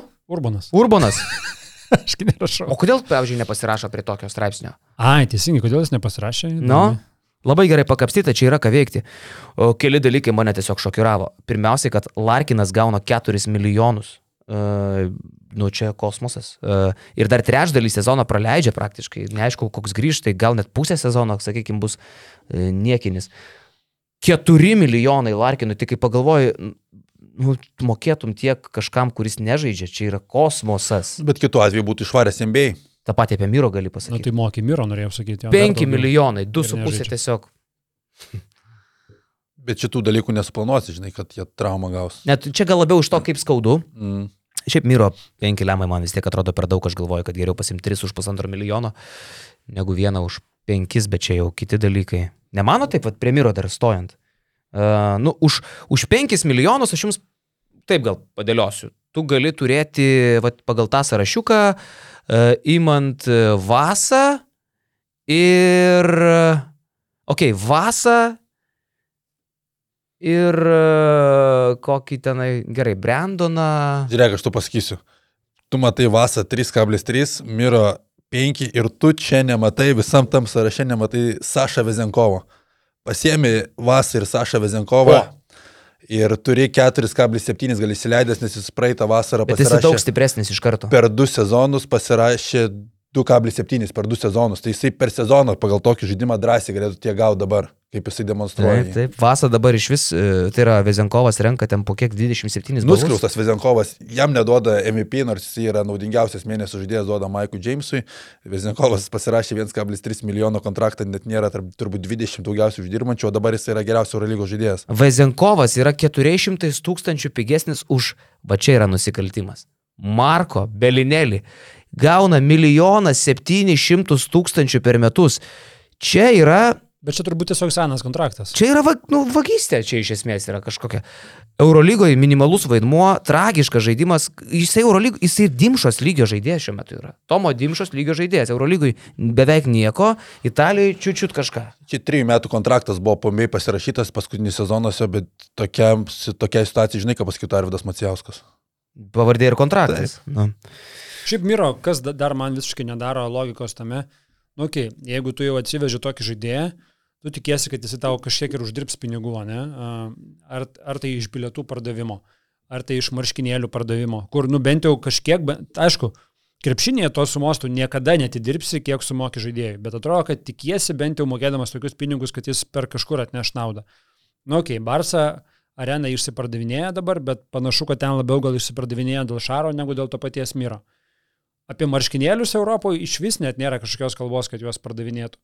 Ir dar, kaip ir sakai, skaičiuojant nei per piniginę sportinę pusę tu randi kažkokį tai motyvą, nei per piniginę finansinę pusę tu kažką randi. Tai kodėl ten tokie pinigai mokami buvo, kam reikėjo, ar čia, kad įkandi realui, kad tu pasiemi realų žaidėją ir dėl to dabar tu esi kietesnis. Gal čia toks buvo motyvas ir...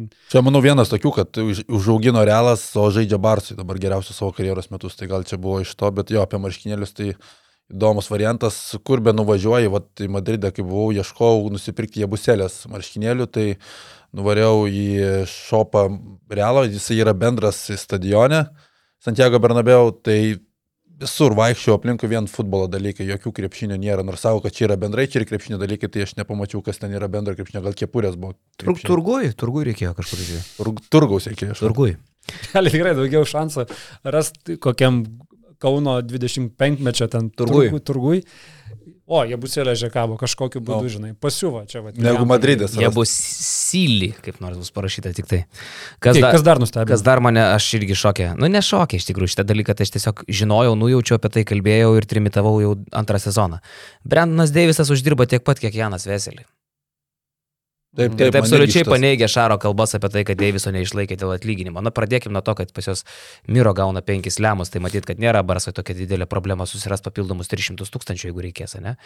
Net jeigu čia šitie Donsės skaičiai nėra iki galo tikslus, jeigu tai skiria 2-300 tūkstančių, sakykime, pirmin atgal, tai Matai- vis tiek Barsos maštabais nėra ta suma, kur jie negalėtų sulaikyti Brandono Deiviso. Ten kaip ir rašoma. Norėdami. Veselis, būdamas pirmametis Ispanijoje, jo mokesčiai yra mažesni negu to paties Satoranskio, Tai apie ką kuris mes apie, Ispanijoje apie prieš tai kokius žaidė. 300 tūkstančių šnekama, ne? Turbūt kažkas to. Tai, tai Barsai čia yra kaip mūsų įmoniai 300 tūkstančių. Nieko nereiškia čia. Visiškai. Supranti? Tai čia mes matome atlyginimus iki mokesčių. Iki mokesčių. Tai jo. Satoranskis iš to 1,7 milijono, kaip suprantu, gauna mažiau negu milijoną. Ne, ne, noriu pasakyti, čia, čia yra ta suma, kurią gauna. A, jau žaidėjai, gauna. Jau, jau gauna. Ja, ja. Nes Satoranskis mačiau, kad ten sumoka vos ne pusę 50 procentų, kadangi ir anksčiau žaidęs Ispanijoje ir Jo, moka jo. taksas kaip Ispanijos pilietis. Ja, ja, ja. Tai va, tai tiesiog, e, nu, pamačiau šitas sumas ir pagalvojau, kad, e, nu, tą, tą ir sakiau, kad, nu, čia tikrai ne pinigai. Veselis, Veselis nėra koks nors Dublevičius ar koks nors Kevarijus Heisas, kur dar pigiau už Dublevičių gerokai, kur sakytum, kad pataupė ant centro. Pasiema Veselį elitinį centrą ir sako, kad mes neturėjom pinigų Deivis. Nu, tas pats, kas, uh, nežinau, atleidai Donsę Urbaną, pasiemi Lino kunigėlį ir sakai, pataupėm, nes neturėjom pinigų Donsę. nu, nu, nu, ta prasme, nu, okei, okay, Linas gal mm, neturi tiek šaltinių ar kažką, bet kainuotų tai tiek pat. Nu, nu toks biški, žinai. Mane tai, šiaip nustebino Scotty Wilbekinas, mm Mhm. -hmm. kad jis yra aukščiausias po tų trijų žvėrių, kuriuos, kurie visi žinom, kad uždirba daugiausiai, Mirotičius, Larkinas, Mitičius, kad Wilbekinas eina iš karto po jų. Man šitas buvo toks, okei. Okay. Sutinku. Kiek žaidžiu fantasy, tiek stengiuosi visą laiką atsikratyti Vilbekino, nes jis visą laiką nervina mane dėl savo nestabilumo. Tu nežinai, kada jis žais gerai. Jo, jisai Bet supra... šiemet jis kitoks, šiaip jau. geresnis, kaip ir visas Feneris, kuris... Šiemet jis yra žymiai geresnis. Taip. Aš, aš vat, apie tą gal paskui norėjau išsiplės, bet dabar galime apie tai pasakyti. Skotis šiemet nėra tas, kuris būdavo Makabi, kur tikrai nervindavo ir tu nežinodavai, kas su juo nutiks. Šiemet ar tai, kad ta aplinka yra stabilesnė, ramesnė, ar kad e, daugiau talentų irgi aplinkui yra, jis tiesiog yra visai kitas žaidėjas šiemet.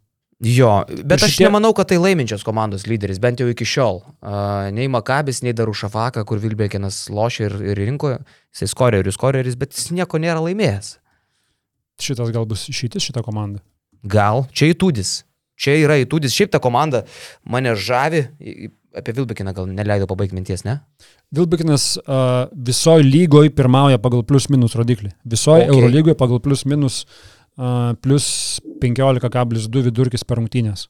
Tai ne tik tai savo komandai, bet šitas skaičius man irgi yra tas parodo, kad, kad šiemet jis yra kitoks, bet ir ne vien tas skaičius, sakau, nu, tiesiog visai atrodo kitas žmogus, ramesnis gal kažkoks, netoks norintis viską padaryti, koksai kartais būdavo Makabi, kur net, netiek tu suprasdavai, ką jis čia daro dabar. Skorina, duobių mažiau. Nu, jam labai čiurnos traumos trukdydavo. Kiek Makabi žaisdavo, kaip sezonas, taip porą mėnesių praeina, taip čiurnos trauma ir tas stabilumas ir nusimuša. Pažiūrėsim, ar sezoną pavyks išlikti sveikam, nuo to labai priklauso Vilbekino pasirodymai. Šiaip tai, kai pagalvoji, tai Feneris dar be nemanijo Bielicos, jie bus dar stipresni. Bielica, gudragalvių, gudragalvis, čia ne šiaip kažkoks tai, žinai, taškų mašina ateina, kur savo statistiką daryti. Ne, ateina talentingas, čempioniško mentaliteto serbas, sugrįžta po dviejų, trijų savaičių. Įtūdis ten daro puikų darbą, čia mes galim gal po truputį pereiti ir prie Eurolygos, jeigu apie, apie ilgas baigsim. Mm. Tai Feneris vienintelė nepralaiminti komanda 5-0 Eurolygoje, kurioje po penkių turų jau liko tik viena nepralaimėjusi komanda. Tai tik tai dar kartą parodo, kokia lygi to lygi yra šita lyga, kiek tik tai, tik tai keturios komandos turi po vieną pralaimėjimą, jau penkta komanda turi du pralaimėjimus. Nuo antros iki 18 jau, jau taip. Tai nu, šokiruojanti, šokiruojančio pajėgumo, šokiruojančio stiprumo lyga. Viena nelaimėjusi ir viena nepralaimėjusi. Jo, jo. Ir ta, ir ta nelaimėjusi yra Bayernas. Bayernas, tai irgi labai netikėta, nes tu turbūt lauktum labiau iš kokių albų, e, tokių rodiklių. Rašyčiau.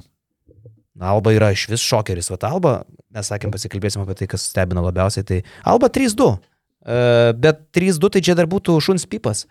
Bet jie neturi pastoviai Lo, pastoviai Smito, pastoviai Timono, pastoviai Lamerso, šiaip tai jie neturi ir krepšininkų, gal nuo to pradėkim. Vedzeliai, Blatai, Kumadžė. Umadžė, e, Olindės. e, Pročida, pročida. Račyda. Kaž, nu, ta prasme, mes šnekam apie čempionų lygos kažkokį tai kolektyvą su treneriu Izraeliu Gonzalesu. Bet tai yra komanda, kuri turi 3-2 ir buvo per marytės plauko nuo to, kad dar ir čempionus paties to Nadolų. Pralošė keturiais taškais, drąsiai galėjo būti 4-1. Tai man čia yra didžiausias e, šokas. E, Antras šokas man turbūt yra Panatinaiko startas. Vienas keturi, trečias šokas Žalgeris, 2-3. Nemaniau, kad po penkių turų mes kalbėsim apie dvi pergalės. Geras rezultatas dėl Žalgerio tikrai, bet, nu, okei, okay, mažai kas galvoja, kad turėsim dvi pergalės, bet man šokeris turbūt yra Madrido realas. Dvi pergalės per penkis turus, e, turi geriausią sudėtį, giliausią sudėtį, bet Čiūsas Matėjo visai nekontroliuoja komandos rotacijos, sunku suprasti, kai prie Pablo Laso mes žinodome, kada koks keitimas eis, dabar nesuprasi, rungtynėms pasiruošimas tragiškas, Sotaranskis centruoja ataką po atakos prieš Sergio Rodrygėsą, nieko nekeičia, Čiūsas Matėjo tai labai įdomu, Bet ir laso nekeisdavo. Ten tie centravimai vykdavo, atsimeni, pavyzdžiui, nusprendė centruoti koks nors uh, Sedekerskis per Jūlą. Vis tiek Jūlas gynasi prie Sedekerskio. Pasilaso matydavai bent idėjas, dabar paskutinę ataką prieš Olimpijakos nusibraižo derinį, įmes tavarėsui prieš falą, centruoti, ten meta savo kablį nuo 5 metrų tavarėsas, tai labai įdomu, kiek šitas naujas šerifas turės, turės kon, turi pasitikėjimą iš vadovų, nes, nu, kol kas man tai atrodo tikrai ne Eurolygos treneris. Du dalykai. Vienas dalykas labai pasikeitus realo sudėtis. Mes šnekam apie jų pastovumą, bet vis tiek atėjo Hezonija, mūsų Rodrygėsas, ant kurių, ant kurių daug griūna tenai toj komandoje, atėjo Kornelis. Uh, tikrai pasikeitė sudėtis.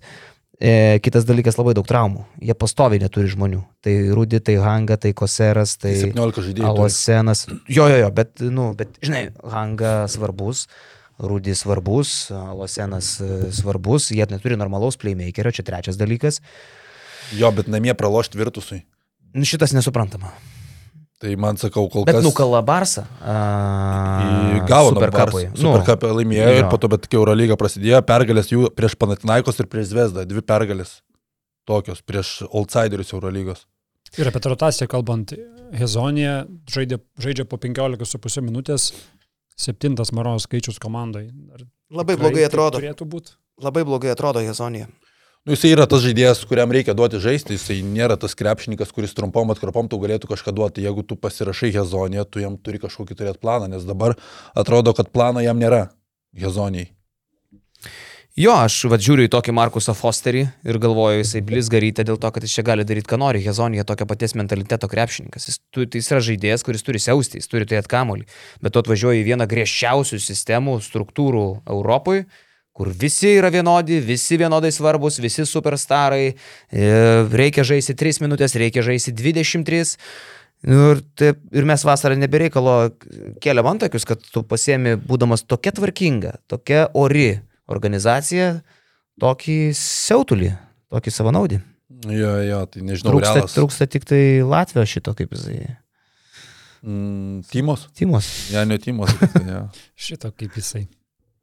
Anadolo dvi pergalės, trys pralaimėjimai, bet kažkaip nestebina. Tas, čia tu žinai, kad Anadolo žais prastai iki naujų metų, po naujų metų kažkiek sugalvos, kad reikia mums pažaisti, pateks atkrintamasis, ten laimės seriją ir žais finalo ketvirtą. Tai čia manęs nestebina, kažkaip dar grįž Larkinas, ten tie dalykai susitvarkys. Taip, tas pats turbūt ir apie realą pasakytina. Kad uh, susitvarkys per stipri tai komanda, kad taip, uh, taip prastai atrodytų. Jo, bet Čiūsas Matijas, ko man kelia daug klausimų, man kol kas nepanašu, kad tai Eurolygos treneris. Uh, jo, e, iš, iš tokių prastesnių rezultatų gal neįtikėtasi turbūt ir Barsą galim priskirti, nu 3-2. Tai irgi yra, bet žinai, šita, šitame turnyre visko čia bus ir, ir, ir, ir dar daug kas išsilygins. Žinai, kaip Šaras mus visą laiką auklėdavo, kad nedarykim išvadų čia kažką, tai vis tiek ateina. Aš lentelę tai- nežiūriu. Jo, Aš lentelę dabar nežiūriu. viskas kažkaip vėliau ten susitvarko, žinai. Tai va, nu, bet man didžiausias siaubas yra Panatinaikos, nežinau. Uh, Tavarsime, ką, ką be pasimsi fantasy, įskyrus Ponitką, ten a, gausi per, per sprandą, kaip atrodo papajanis, tai yra kažkas tai, kažkas tai liūdno. Uh, toks nestabilumas, uh, taip, uh, taip nieks nefunkcionuoja, kad, wow, Derekas Williamsas irgi, nu, tiek daug tikėjausi, nieko ten nėra. Šiaip iš sudėties tai atrodo, nu, solidi komanda, Grigonis, kokį šūdą minko Eurolygui. Uh, Ly, nu, blemba vis tiek atrodė, kad ten buvo dusinamas Monakė, čia galės pasireikšti, ypatingai kai Volterso nebuvo. Tragedija. Grįžta Voltersas, neaišku, kiek čia jam laiko reikės. Bet aš nesuprantu jo idėjos komandos. Vienas, keturi. Pagal sudėtį atrodė, kad net į playoffus kabintis. gali. Sudėtis tokia, kur turbūt kiekvieną žaidėją paėmus e, geroje sistemoje jie būtų naudingi krepšininkai, bet dabar tu Radonyčius, perbalės kažkoks. vienas prie kitų, jie nu, netinka tie žaidėjai. Į- Į žaidėjai man kelia daug klausimų. Lee, Waltersas ir Andrew Andrewsas atrodo visi trys dideli vidutiniokai, kur pagrindinis žmogus tavo turėtų būti komandoje. Denas Radonyčius yra gynybos specialistas, e, bet komanda yra visa apie palimą, tų gyn- gynybos žaidėjų nėra. Ir matome nei palimo, nei gynybos kol kas, tai kol kas didelė katastrofa, bet Pau eilę metų jau dabar nebestebino savo rezultatais, nors kažką ir bando keisti. Tai vad, kalbėjom, kad sakys, išskirsim savo įsiminusį mačą per penkis turus. Man tai įsiminė mačas, kai Alba pasėmė Panatinaikos, pasidėjo ant stalo. Apver... Ir netęsk. Apvertė ant pilvo. Viskas aišku. Ir e, su vyrais pirtyje, suprantigi, labai linksmai leido laiką. Ta prasme, tai buvo siaubingas vaizdas. Aš nebuvau matęs nieko labiau makabriško ir labiau vėliniško šį sezoną, kaip kad Alba parsivertusi atėnų Panatinaikos e, Mercedes-Benz arenoje ant stalo. Devynė, kiek ten 90-63 kažkas tokio. Be Smito, kokia alba? Be Smito, be Lo, be Timano, be Lamerso, be pusės žaidėjų su Sigma, Kumadžiais, Blatais, Vedzeliais ir, ir kitokiais neiškios kilmės krepšininkais. Daužė Panatinaikos komandą. Bet tu matai, tu sakai, tarsi žiūrint į pavardės, tarsi ta komanda turėtų funkcionuoti. Aš tai labiau irgi Jono tai minčiai linkęs pritarti, kad kai tu pasirašai Radonyčių, tu tarsi pagal jį ir turėtumai komandą dėlioti. O tu pasirašai Radonyčių ir dėlioji tą komandą taip pat, kaip ją dėliodavai paskutinius, nežinau, kelius metus. O šitą galima paimti, o šitą paimti, o šitą paimam tą. Ir toks. Ir dar beikoną ant viršaus užmetė. Jo, ir dar beikoną ant viršaus. yra beikonas. Gerai. Įsiriuba. Tai tos minties ten kažkaip iš karto jos trūko ir, ir, ir ne vienas, ir ne tik mes, ir, ir kažkas kitas, kas seka Eurolygą dar prieš sezoną komentavo, kad šita komanda, jinai netrodo kaip ta, kuri vers kalnus. Ir kalba tokia, kad šią savaitę rungtynės namie su Partizanu ir tai gali būti paskutinis mačas Radonė. Aš tikiuosi. Tai bus tas, kuris bus pirmas nuimtas. Bet tai jeigu jau komanda vidury sezono priversta keisti trenerius nuolat, tai gal reikia pažiūrėti ir į, į, į veidrodį. Jeigu jau tu taip darai, kad vėl e, tu kaltas lauk. Ne, seniai. Tai kas pavo dabar iš Mr. Dimitrijas, ar kaip jis tenai? Gal, ne, gal jūs čia... Nu, turite- Pedulakis, Pedulakis, iš ofiso. Bet dabar asistent dar Vovaras yra, tai čia konkurentai. Jo, pamačiau asistentuose Vovarą, galvoju, o sukam laimės ratą iš naujo, žinai. Tarp kitko, nu, vat, nu pasiemi Georgijos Kalaizakė, ne? Nu, ekstra talentas vis dėlto, kaip be būtų, talentingiausias graikų krepšininkas arba vienas tokių. 11 minučių vienas taškas. Nu, ta Jis, prasme. jis nėra problema, žinai. Sakau, problema yra tai, Bet kad tai turėjo būti vienas lyderių. Šiaip jau, nu, arba bent jau solidus rolės žaidėjas, nes NBA krepšininkas atvažiuoja ir turėjęs solidžią sezono pabaigą. Nu, kažkoks, nu aš suprantu, panajo, kam jam dabar tą panajotį pasėmė iš to lietkabelio? Nežinau, aš dabar jeigu būčiau treneris Būtų arba, lietkabelį tobulėjęs, ką jis čia veikia? arba vadovas ir pamatyčiau, kas yra toj sudėti, tai už galvos susimčiau ir nežinočiau nuo ko pradėti, nes čia didelį išvalymą reiktų, kad padaryti, kad tas mechanizmas kažkiek bent jau veiktų. Gudaičio Radoničius, baudų pataikymas 36 procentai. Radoničius su žymiai mažiau talento nuveikdavo su tom komandom, su Zvezda. Su žymiai, žymiai mažiau talento jis kažką nuveikdavo. Bet tiesiog būdavo kažkokia mintis, žinai, kur tu klijuoji ir rolę žaidėjus, ir ten lyderis dar kažkas. O čia tikrai, čia tiesiog buvo, tu galėjai išleisti, va, turėjai pinigų tiek dabar kapšą, nu ir ištaškom dabar į čia kažkokiam skambiom pavardėm. Aš nežinau, ar jūs girdėjote, bet Gudaitis pataikė 8 baudas iš 22 šį sezoną Eurolygoje. Kas Gudaičiui su baudom yra atsitikę? Kažkada buvo normalus baudų metikas.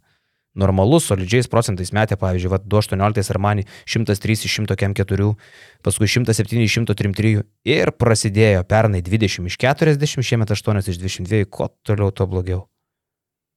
Vėl nežino, kas čia jam yra atsitikę. Tai Derikas Viljamsas PM8 procentus baudas metai irgi visą laiką mesdavo 80, Nu. 17 iš 29. Nu, keiščiausia komanda Eurolygoje, tikrai nes, ne, ne, nesusipratimas absoliutus. Tai sutinka su to, kad didžiausias nusivylimas yra PAO, o didžiausias netikėtumas yra ALBA šiandien dienai. Manau, kad jo, žiūrint tą lentelę, žiūrint bendrą vaizdą, tai išpavo vis tiek, kad ir kaip tu matai tas e, sudėtis sunkiai limpančias, bet nu nesitikėtum, kad taip jie tragiškai atrodys. Vis dėlto, nu, pavardės Eurolygos žaidėjų tai yra. Jo. O Albos čempionų lygos žaidėjų pavardės, bet rezultatas topinis. Trys pergalės, du pralaimėjimai. Apie stebinančius žaidėjus kažką pagalvojot? Štai turiu kelis. Taip, bet stebinančius, ne? Pavyzdžiui, Matijasas e, Lesoras. Sutinku. Mm, Niekada jį rimtai nežiūrėjau, atrodė, atrodė, kad tai yra Europos taurės lygio krepšininkas, kuris nuolat migruoja per tuos klubus. Pernai Teluvo Makabi trumpai buvo pasirodęs, ten e, užkamšė skilės, po to vėl grįžo į Europos taurį, Partizaną, vėl ten gera statistika, bet taip ir atrodo, kad Europos taurė tai bus geras žaidėjas, Eurolygui ne per kur, bet taip kaip žaidžia sezono startę, tai nu, labai mane stebina. Kaip klasiokė, žinai, kur niekada gal nežiūrėjai kaip į merginą, nes nebuvo labai kažkokia ir susitinki po penkių metų klasės susitikime, žinai, baigęs šulę ar po dešimt. O, Gulbė. o, wow. Nu, O, wow.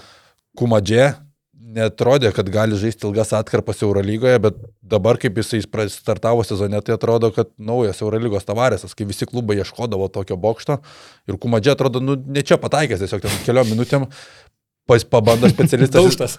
Pabando specialistas Izraelis, porai minučių nesigauna sėsko. Dabar nuo sezono starto po 20 minučių žaidžia. Tai dabar Tymanas grįžta, kažkiek gal ta, tas jo vaidmo sumažės, bet nu jisai keičiantis žaidėjas e, rungtynės. Ir Benas Bentilas, mes, mes prieš metus Beną Bentilą atsimindavom kaip tą krepšininką, kuris e, prie pavo suolo vis dar mina dviratį. Sakiau, fantasy, niekada gyvenime jo nepirksiu. Iš kazio juokdavausi. Prieš sezoną, kai darėm kainas, a- aš uždėjau bentilui 400 tūkstančių. Tai čia yra pajokos kaina, nes e, tiek žaidėjas gauna, tiek kainuoja, kuris renka po 4 balus.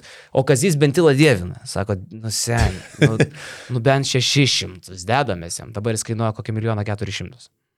Bet nu aš negaliu vis tiek darim, tai man dar reikia daugiau laiko, nu nes aš netikiu, kad visą sezoną tas, kuris dviratį šalia aikštės mina, tau rinks stabiliai 15 nudingo balų per mačą. Jo, aš dar iš tokių stebinančių dėdu Tadą Sedekerskį. Nei vieno mačo Eurolygoje be dviženklio naudingumo balų. Nei vieno. Visi penki mačai dviženklis naudingumas, bet vidurkis e, 13 balų. Tadas fucking Sedekerskis, kurį Baskonija augino terariume ir staiga išsitraukė iš jo žaidėją. Ilgametis kontraktas duoda vaisių, daug minučių Tadas vienas daugiausiai aikštelė praleidžiančių krepšininkų. Tai tam visam šabakštynė, kur Thompsonas, Howardas ir Henry dar matuojasi uh, Mustafa falais ir bando išsiaiškinti, kas yra kas, Sedekerskis rodo brandą ir dar reikiuoja ir riktuoja tą komandą iš principo, kad jinai būtų ant bėgių. Tai Baskonė, kad ir kaip klaikiai atrodė su Asveliu, ten iš tikrųjų norėjosi man peržegnuoti televizorių tam mače, bet iš principo iki tų rungtynių iškovojo tris pergalės ir yra viena iš tų e, top 8 komandų kol kas Eurolygų. Tai 13 iš 15 dvitaškių, šiaip kas smagu dėl 13 iš 15 dvitaškių ir tai yra jau kelių metų sėdo tendencija, meta mažai, bet dafiga tiksliai. Tai kas džiugu dėl Sedekersio, kai atrodė, kad galbūt tai yra tik tais Dušo Naivkovičių žmogus, tik prie jo žaidžia, nes pernai atėjo Spachė ir pasodino ant suolo Sedekerskį ir atrodo, kad galbūt buvo vienas tinkamas treneris. Duško Ivanovičius. Duško, Duško Ivanovičius. Nėra kas jų nemaišo. Pastoviai. Nėra kas jų nemaišo. Ypatingai per vėlinės. Nu. Tai Sedekerskis prie naujo, prie naujo trenerio vėl gauna, gauna žaisti ir dėl to džiugu, nes reiškia, kad gali ir kitose sistemose tinkamas būti žmogus, tai smagu, kad turime dar vieną stabilų Lietuvų Eurolygoje. Taip. Kas sugalvojo šitą pajokavimą tokį, tarsi, kažkokiu būdu du žmonės, kurių vardas ir pavardė yra praktiškai identiški, abu du staiga tampa treneriais. Kokie šansai, kad taip nutiktų? Nu, kaip išauktų pas mus Jonas Kazlauskas ir Kazlas Jonauskas ir visi maišo užsienį ir nesupranta, kas čia daras. Nu. Šiaip nesąmonė, visiškai, okei. Okay. Taip, tai va, tai, tai tokie gal pagrindiniai pastebėjimai. Nu, iš, iš fantasy perspektyvos žiūrint, nes man visą laiką dar patinka žiūrėti, kaip keitėsi kainos, kur aš nepataikiau. Va tas man labai smagu. Tai nepataikiau su Vezė. Aš dėjau kainą ir Kazys pritarė, čia ne, ne, ne aš vienas sprendžiau, Kazys tos dalykus irgi labai gilinasi. Milijonas šešis, dabar Vezė kainuoja 2 milijonus 700 tūkstančių. Brangiausias visų laikų mūsų fantasy žaidėjas, nebuvo niekada brangesnio. Tai, pff, mama. Man tai Devonas Holas yra nusivylimas žiauriausias. Atrodo, kad pirmas jo sezonas debitinis Eurolygoje buvo puikus ir antrai, antrai dažniausiai tu turėtum dar geriau atrodyti. Ką rodo ir Mesinos pasitikėjimas, duoda 30 minučių Devonui Holui daugiausiai komandoje vidutiniškai žaisti. Jisai per 30 minučių vidutiniškai renka po 0,8 naudingumo balo, dvitaškių tikslumas 15 procentų, tritaškių 13 procentų. Tai... Aš iš jo nieko, kadangi ir nesitikėjau, tai man... Nesusipratimas. Aš iš jo nieko nesitikėjau, aš tikėjausi iš Jaileno Adamso, iš Zvezdos komandos, bet tai irgi panašu, kad yra absoliutus puikiausias pavyzdys - Australijos lygos MVP. At ką reiškia e, pakeisti lygą? Australija irgi fizinis krepšinis, jau tu tikiesi, kad atvažiuoja žmogus, kuris daužtas, muštas ir ten visokių smūgių atlaikęs. Tai tai Websteris.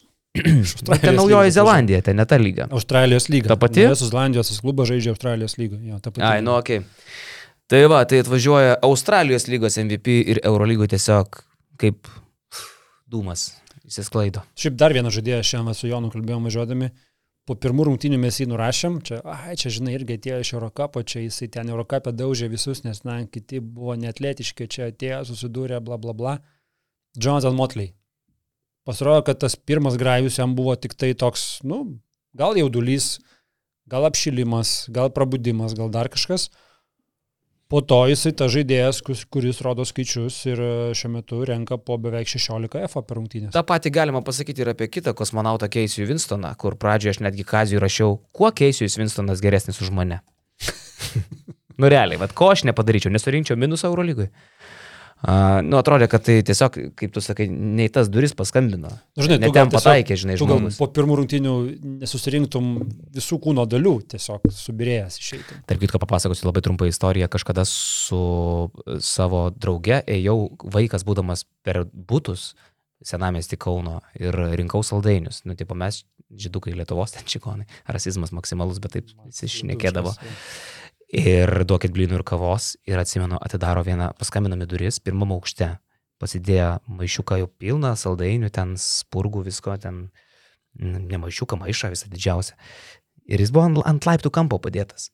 Ir bim bim, paskambinami duris, jinai atidaro, mes čigonai Lietuvos. Ir jinai, aš nežinau, turbūt, kad nesveika moteris buvo, tiek išerzinta, turbūt tų vaikų per visą dieną. Ir jinai, mes čigonai Lietuvos, piskit, na, ir mums su tą maišą nuspyrė nuo tų laiptų. tai vad panašiai Kesijus Winstonas atėjo į, į Eurolygą, bet dabar žiūrėkit, paskutiniai du grajai 28 ir 20. Panašiai kaip naudingumo. Buvo išpratėjus, ar kaip jūs su to maišu? Kaip mes su to maišu, kaip mes su to maišu, netem pataikėm, suprantate, ne į tas duris. Nuspyrė mūsų maišą, bet e, dabar... Kitos prie kitų durų gavot. Jo, panašu, kad tai gali būti va toks Gal net rimtesnis už tą patį Markusą Howardą, kuris užsiautė ten su Zvezda ir su Partizanu. E, Baskonijos gynėjas sumetė 15 trajakų per du mačius, bet e, jis ne Ispanijoje ten stabiliai tuos trajakus pataiko. Aišku, traumos neaiškios tokios gal neprisideda prie gero rezultato. Ne Eurolygoje jis turėjo per kitus tris mačius kažką panašaus. Man jis, žinok, panašesnis į išpūstą burbulą per tas dvi rungtynės. Žinai, kodėl aš labiau tikėčiau Winstonu negu, Būtent. negu Howardu, tai dėl to, kad jeigu tu esi trinkėri komandai ir tu atvyksti pirmą sezoną iš už Atlanto į Europą, tai jau tau trinkėri turi planą ir ta, tavie kažką mato. Vienaroje aš nežinau. Nežinau jo idėjų, nežinau jo talento, o trinkėri per savo metus jau įrodęs, kad jisai jeigu kviečiasi, tai jau žino, ko iš tavęs norės. Tai natūralu, kad reikėjo laiko apsiprasti toje aplinkoje ir dabar tie rezultatai matosi, kad tempės į šitą lygį ir gali būti vienu lyderiu Bayerno. Nuvilė pangosas kol kas labai. Uh, ok, buvo rungtynių ten neblogų su Bayernu, tarsi 17 naudingumo, bet pataikymas labai nestabilus. Pangosas kol kas akivaizdžiai stokoja žaidybinės praktikos, ką turėjo Zenite prieš išvykdamas į NBA, kur ten stabilus, patikimas, nieko panašaus nėra. Tu nežinai, ką iš Pangoso gausi, koks jis bus. Barsa paėmė paskutinėse rungtynėse su Sulamdė, jį suspaudė, repliam gynybai 0 iš 5 trajekai, 1 iš 7 prieš Asvelį, 2 iš 6 prieš Partizaną. Buvo, sakau, solidesni du pasirodymai prieš Alba ir prieš Bayerną, bet šiaip uh, Kazys labai tiki pangosų, pastovimą į fantasy, aš uh, vis dar galvoju, kad čia kaip ir uh, koks nors egzumas, tarkim, kur, nu, dar reikės palaukti stabilumo ar nanalį. Yra žaidėjai, kurie tikrai pradės lošti, pangosas iš jų, bet reikės laiko. Pangosas, galima sakyti, iš viso jisai metus turėjo atostogų, jisai nieko neveikė realiai praeitą sezoną. Būtent. Ir Būtent. dabar pradėti vėl žaisti tokiam lygiui. Apie Higginsą tą patį gali reikalai. pasakyti, dėl traumų irgi praktiškai tenai trynėsi, ne, metus. Jo. E, Reikia laiko, tai žaidėjai su, su, su talentais ir jie sugrįž, bet manau, kad va čia galėtų būti net rubrika žmonės, apie kuriuos dar dainuosim. Tai tai yra tie. Bet kol kas nei apie Nanalį, nei apie, nei apie Dželiną Smithą irgi. Nieko gero dar. Džilinas pas- Mitas trumuotas buvo dabar. dabar Sužaidė kiek porą gravių, ne? jo. Nu. Tai dar užsiminė apie tos įsimintiniausius mačius, tai aš čia irgi norėčiau paminėti Partizanas Žalgeris, man kadangi buvau gyvai, dar ten jau grįžtant į praėjusią savaitę, tai šiaip ne, esu matęs nemažai tų atmosferų gyvai, Belgradą matydavau tik tais per televizorių, bet kai tu nuvyksti ten į vietą, matai pilną areną, viskas išparduota, matai tą partizaną sugrįžus į Eurolygą po daugelių metų, po aštuonių metų ir tuos fanus atsistojus, likus pusvalandžių iki rungtynių visi atsistoja ir pradeda dainuoti serbiškus šlagerius ir kuo tos rungtynės arčiau, tuo viskas garsiau, kai tik prasideda mačas, publika absoliučiai įsielektrinus, tai gal, kad taip gyvai nebūna iš tikrųjų. Šiaip tai buvau šokiai iki trečio kelnio, ma- matomai ir Brasdeikis galbūt tame pačiame šokiai iki trečio kelnio, bet tikrai reikia, kai pirmą kartą lankaisi ten, reikia atsipeikėti laiko, kad suprastum, kur tu patekai. Blemba, Kaip ir sakai, serbai, serbai to pasižymi, kad jie ateina anksti į rungtynės, o ne tai, kad ten dar be 15-8 rungtynės nuo 8 dar ieško, kur mašiną priparkuoti.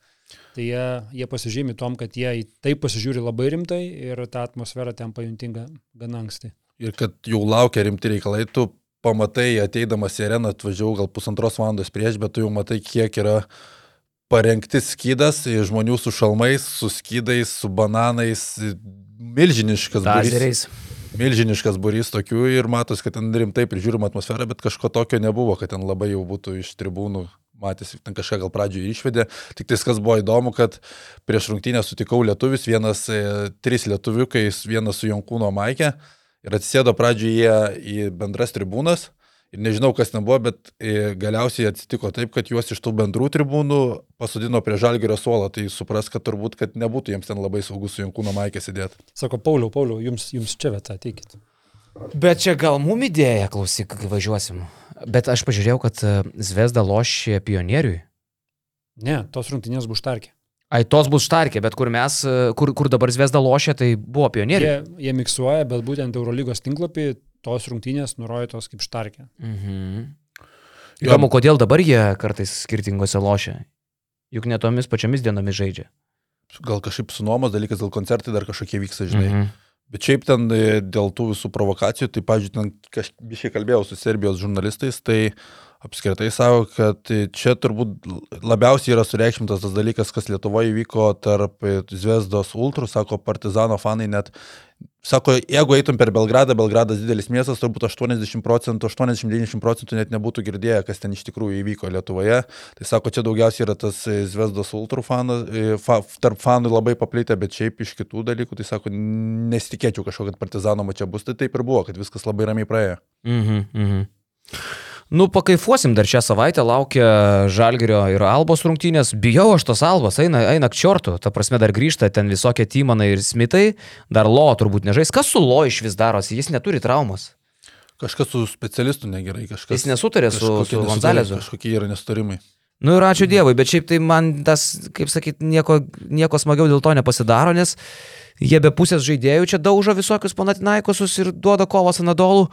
Tai baisi šita komanda, aš jos tikrai bijau, puikiai dirba kaip laikrodukas, gynybėlė, mobili, greita, ten tie visi trepai, viskas susitarimai. Kitokia komanda jie. Puikiai, o, o polime trajekėlius meta su tokiu malonumu ir su tokiu pasitikėjimu. Biški, žinai ką primena? Antanas Reika ir Šiaulius tik su gynyba.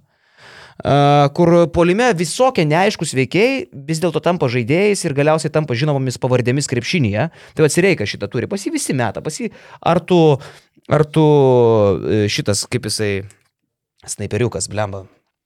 Eriksonas. Ne, lietuvis. Uh, mažiukas lietuvis. Čia Stankievičius. Stankievičius. Ar tu Stankievičius tumėtai, ar tu Friedrichsonas tumėtai, ar, ar, tu, ar tu ten dar kažkas tumėtai. Tai ten irgi. Ar tu Olindė, ar tu Vedzelis, ar tu Blatas. Nesvarbu, kad galbūt varžovas nevertina tavęs taip kaip Smito ar, ar kokio nors tai lo, bet tu dabar čia esi ir tu atliksi šitą vaidmenį, tu mesi. Ar tu kumadžė. Tai tu centras, žinok, esi neblogas vis dėlto. Ir tie žmonės tuo patikė. Tai aš jų bijau. Tai žinai, daug pasako apie juos. Bet tuo pačiu būtų gaila nepaimti pergalės čia tokius taškus reikia imti, ypatingai kitų namie žaidži, bet kokia atveju alba, ne alba, kad ir kaip jinai bežaistų pradžiai žalgeris, tai yra žalgerio lentynos komanda ir namie tu privalai tokius taškus pasimti, bet apie alba labai daug pasako, kad po rungtynių Anadolo FS su alba Vasilijos Micičiaus pirmieji žodžiai į tą televizijos interviu buvo, kad alba yra turbūt geriausias dalykas Eurolygiai, kas galėjo nutikti, kadangi pasitikė tais jaunais talentais ir duoda visiškai jiems laisvę. Šiauliai, Eurolygos šiauliai. Mm. Yra, yra panašumų, tai bus įdomu tikrai. Bus įdomu ir dėl to, kad iš tikrųjų galima turbūt daryti išvadą, kad e, Žalgirio arena ir jos atmosfera sugrįžo. Tai iš esmės likus dar dviem dienom, pažiūrėjau, bilietų yra likę apie 300. Bus soldautas. Nes virš 15 tūkstančių jau yra išpirkta. Lemba šakės, negaliu patikėti. Tai su Alba žaidžiant. Negaliu patikėti. Nesu, nesu kažkokia kita komanda, kad ir kaip čia jinai startavo eiliniam fanui, jis pamato pavadinimą, jis pagal tai sprendžia, kur jam eiti ar kur neit. Tai man šitas daro įspūdį, po dviejų, dar po dviejų savaičių atvažiuoja Milanas, tai va iki Milano rungtynių likus 16 dienų, pirmam aukšte bilietų beveik nebėra, gali tik tai antram aukšte gauti prastesnėse žymiai vietose. Tai akivaizdu, kad e, šita karštinė grįžo, tą prie ko mes labai džiaugiamės ir buvome įpratę prie Šaro, Tai panašu, kad vėl tas pats darosi su Žalgiriu. Aš dar prisiminiau, aš čia kalbu, kalbu, jiegi dar Eriksono neturi kur lyderių lyderis ten pas juos. Ja, ja. Tai Smithas, Lo, Eriksonas, Matisekas, Tymanas, Lamersas iškritę ir jie daužo panatą.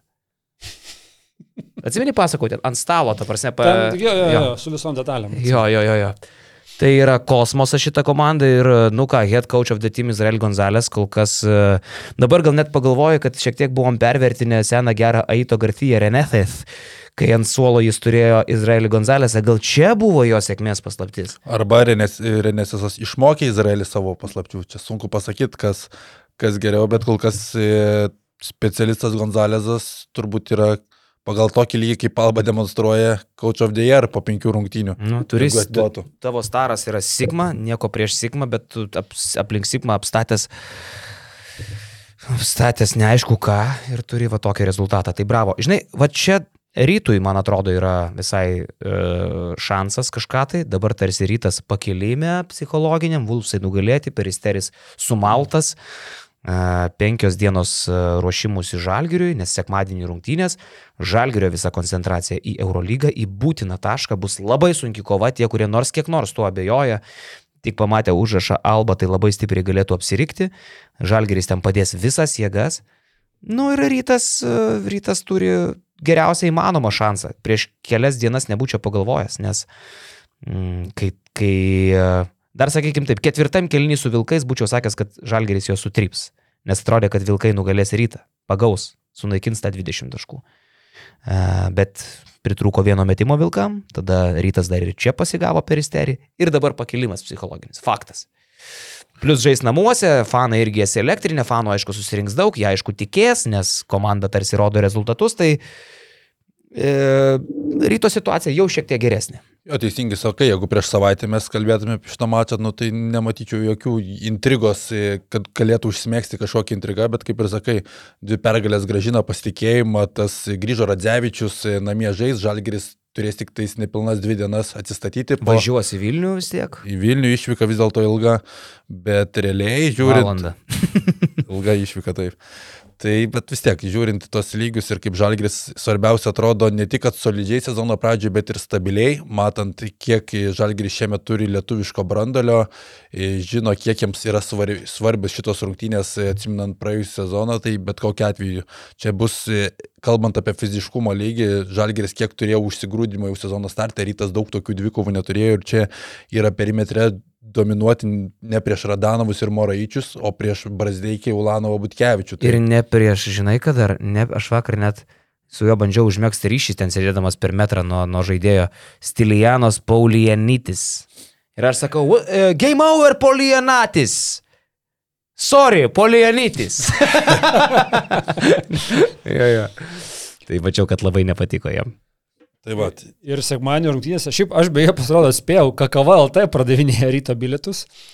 Ir vat sėdėti pirmoji eilėje sekmadienį jau trupučiuką brangiau kainuoja. Kiek iš tos? 103 eurai šiuo metu. Pašoltų.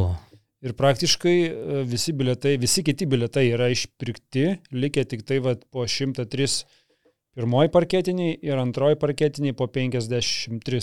Irgi keli bilietukai, o visa kita yra iššluota jau. Geras, tai okei. Okay. Tu aš sakau, kad nu negali būti, dvi- gal čia klaida buvo, 27 eurų. Tai sakau, ir susipirko visi labatrekai. Grinevičius, aš, Vaitekūnas, visi su jam merai sėdi.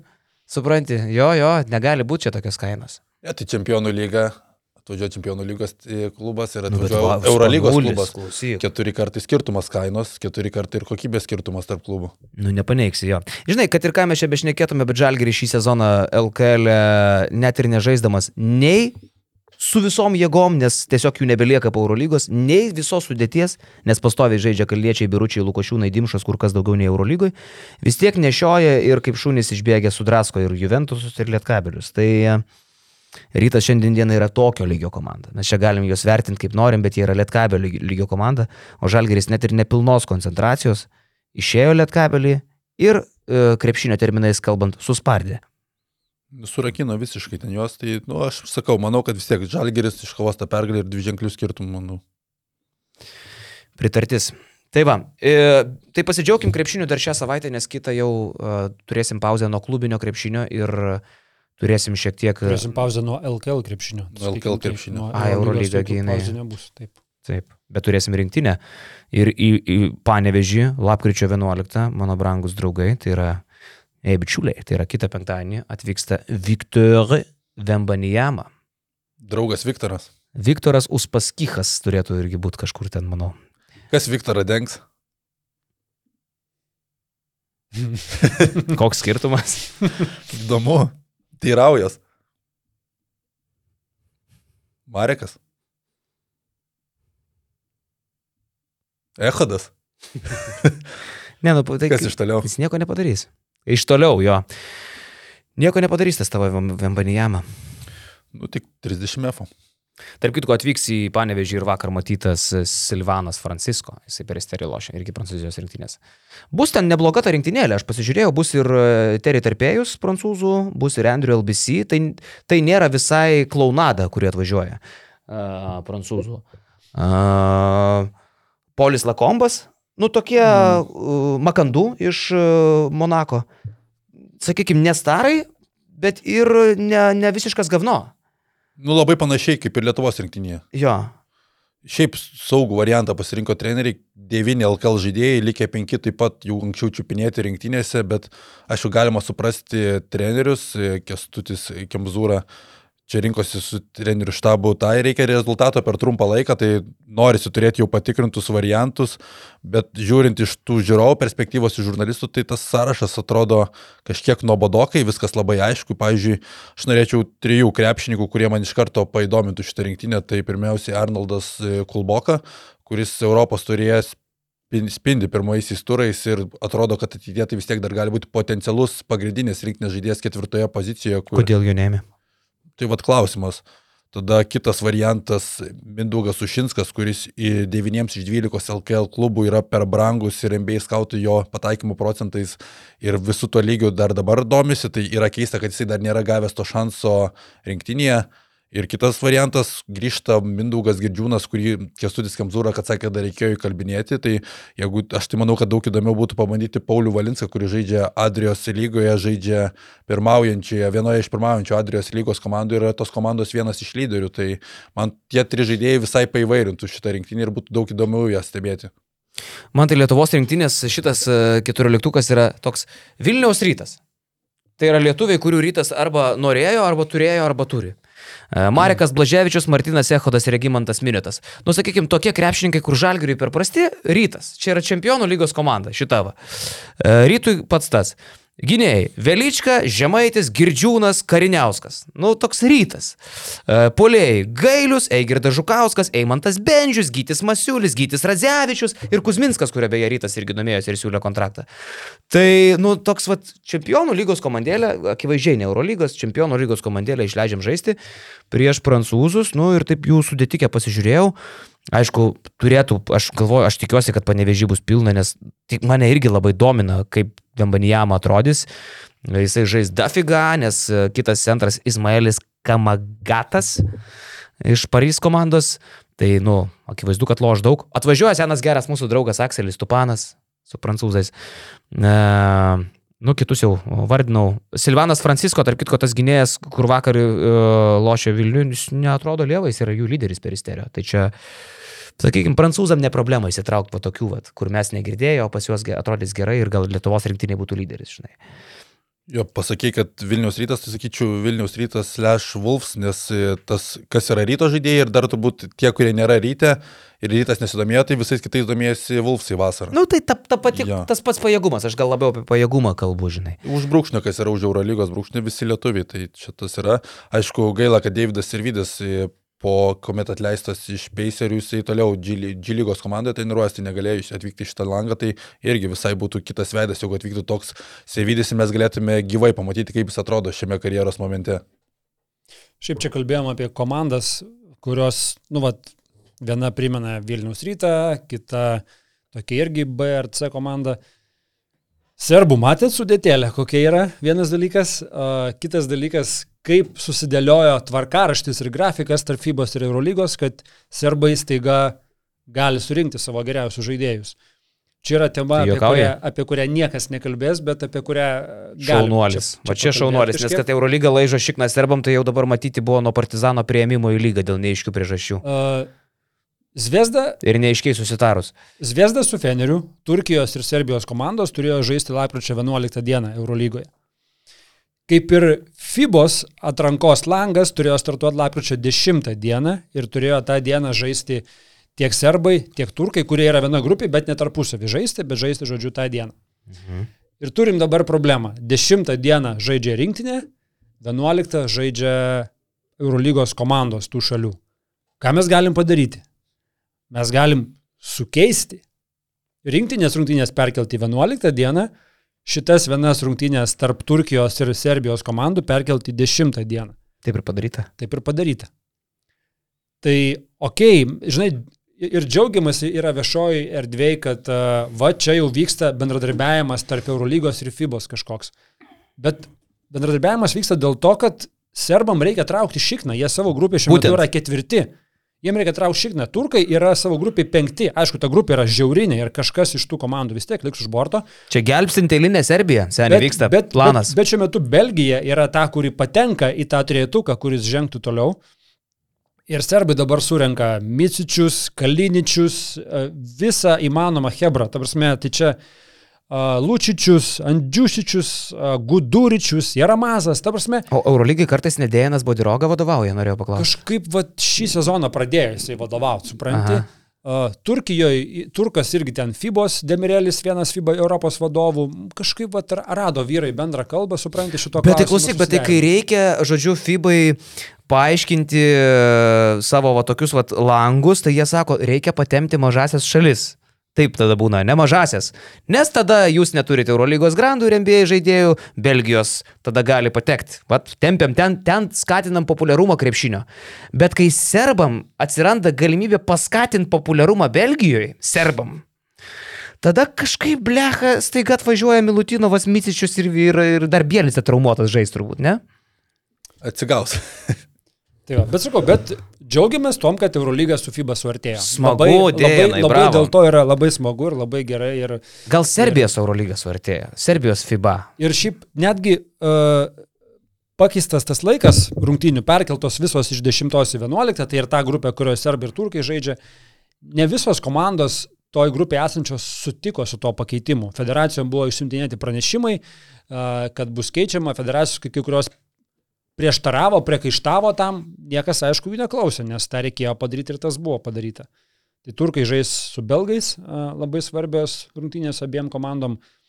Serbai žais su britais, kur dar ką tik Pešičius aiškino, kad britai yra geresni už serbus, nes tokia situacija. Tai vad su Kaliničiais ir Lučičiais ir visais kitais Mičičiais ir Guduričiais tikrai serbai a, silpnesni bus už britus. Matau vaizdą, kaip lietuvis taip trauktų. Vat esamo situacija. Vat mes būtume prisišykę, taip ir mus trauktų.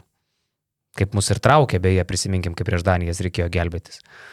Ar kaip Latvijai surinko savo ten tą visą wow ir, tiksliau, turėjo wow kartą, bet ne- neturėjo, aišku, visų žaidėjų ir praleido nuo bulgarų ir neišėjo į Eurobasketą, atrodo. Nu, tai kažkaip tų netraukė tuo metu, tų komandų, bet va serbus, blecha, net ir tvarkarašius ir grafikus pakeičia. Nu, fucking fuck. Kaip mane jau jie pradeda erzinti su savo Rusijos vėliavom ir šitų blecha rusiškų žaidimų? E, Visur, visur ir visada. Penktadienį liko du grai. Panathinaikosas su Baskonija ir Valencija su Monaku, kur du grai per dieną praktiškai Nu. to nebūna, šiaip jau niekada. Bet nu, mes džiaugiamės Eurolygos ir FIBA suartėjimu. Tikrai labai džiugu, kad organizacijos įpusėjus atrankos varžybom, iš anksto patvirtinus grafikus, tvarkarašius, jie atranda sueities taškų. Labai dėl to yra Smagu, smagu. Tai vagi, e, tai laukia mūsų Prancūzija, laukia Jotkalnyje. Na, primenant situaciją, Lietuvos rinktinė iš tikrųjų yra labai geram keli. E, Kita penktadienį žaidžiam su prancūzais, kitą pirmadienį žaidžiam su mm, Bosniais, ne kitą, bet dar kitą, ne lapkričio 7, o lapkričio 14. Su, e, su Jotkalnyje, atsiprašau, žaisim taip. Mhm. Tai su Jotkalnyje laukia mačas išvykoj. Na, mes praktiškai jau pasaulio čempionate. Mūsų čia nelabai kas kasa. Septynios pergalės, viena nesėkmė, grupės lyderiai. Ko mums reikia, kad mes išeitume į pasaulio čempą? Vienos pergalės? Jau oficialiai. Pergalėtų. Dvi, dvi tikrai būtų. Jeigu abi laimėtų jau oficialiai užtikrinant, dėl vienos dar reikėtų žiūrėti kitus rezultatus. Nu, bet čia, čia, čia jau smulkmenos. Jo, tai sakykim, uh, šiaip būtų smagu, kad žmonės susirinktų į panevežį, pats nuvarysiu gal, nes aš nežinau, kada kitą kartą pamatysim Vembanijamą, kai išvarys į Ameriką. Tada jau su FIBA langais nebesusiderins ir nebeloš atrankose. Tai jau tada reikės varyti į pasaulio čempus ar Europos čempus, žiūrėti, kaip lietuviai su juo lošia. Tai manau, kad čia yra geras šansas pažiūrėti į šitą bičią. Ir kaip jis atrodo ten vyrų krepšinį, kaip jis patobulėjo su Metropolitans. Va. Tiek. Iš Daug. Sakėm, neturėsim ką šnekėti, ne? Pusantros valandos negaus. Daugiau dar. Tai va taip, uh, likit įsijungę Basket News šią savaitę pasaulį išvys ir skaudžiausių Lietuvos rinktinės pralaimėjimų top 10. Iš vis? Išvys, šiandien užgarsinsiu. Gut. Šiandien užgarsinsi ir... Tik Neišvys? šiandien užgarsinsi ir tu tikės, kad iš vis. Nu, tu, sen- tu galvoji, kad jie žvėris? Tai scenarijus parašytas jau seniai, bet neturi. sakė, nieko nesurado dar. Lekas- lekas juokiasi iš tavęs. O dieve. Darbų planavimas, gerai, baigta. Visą. Iki.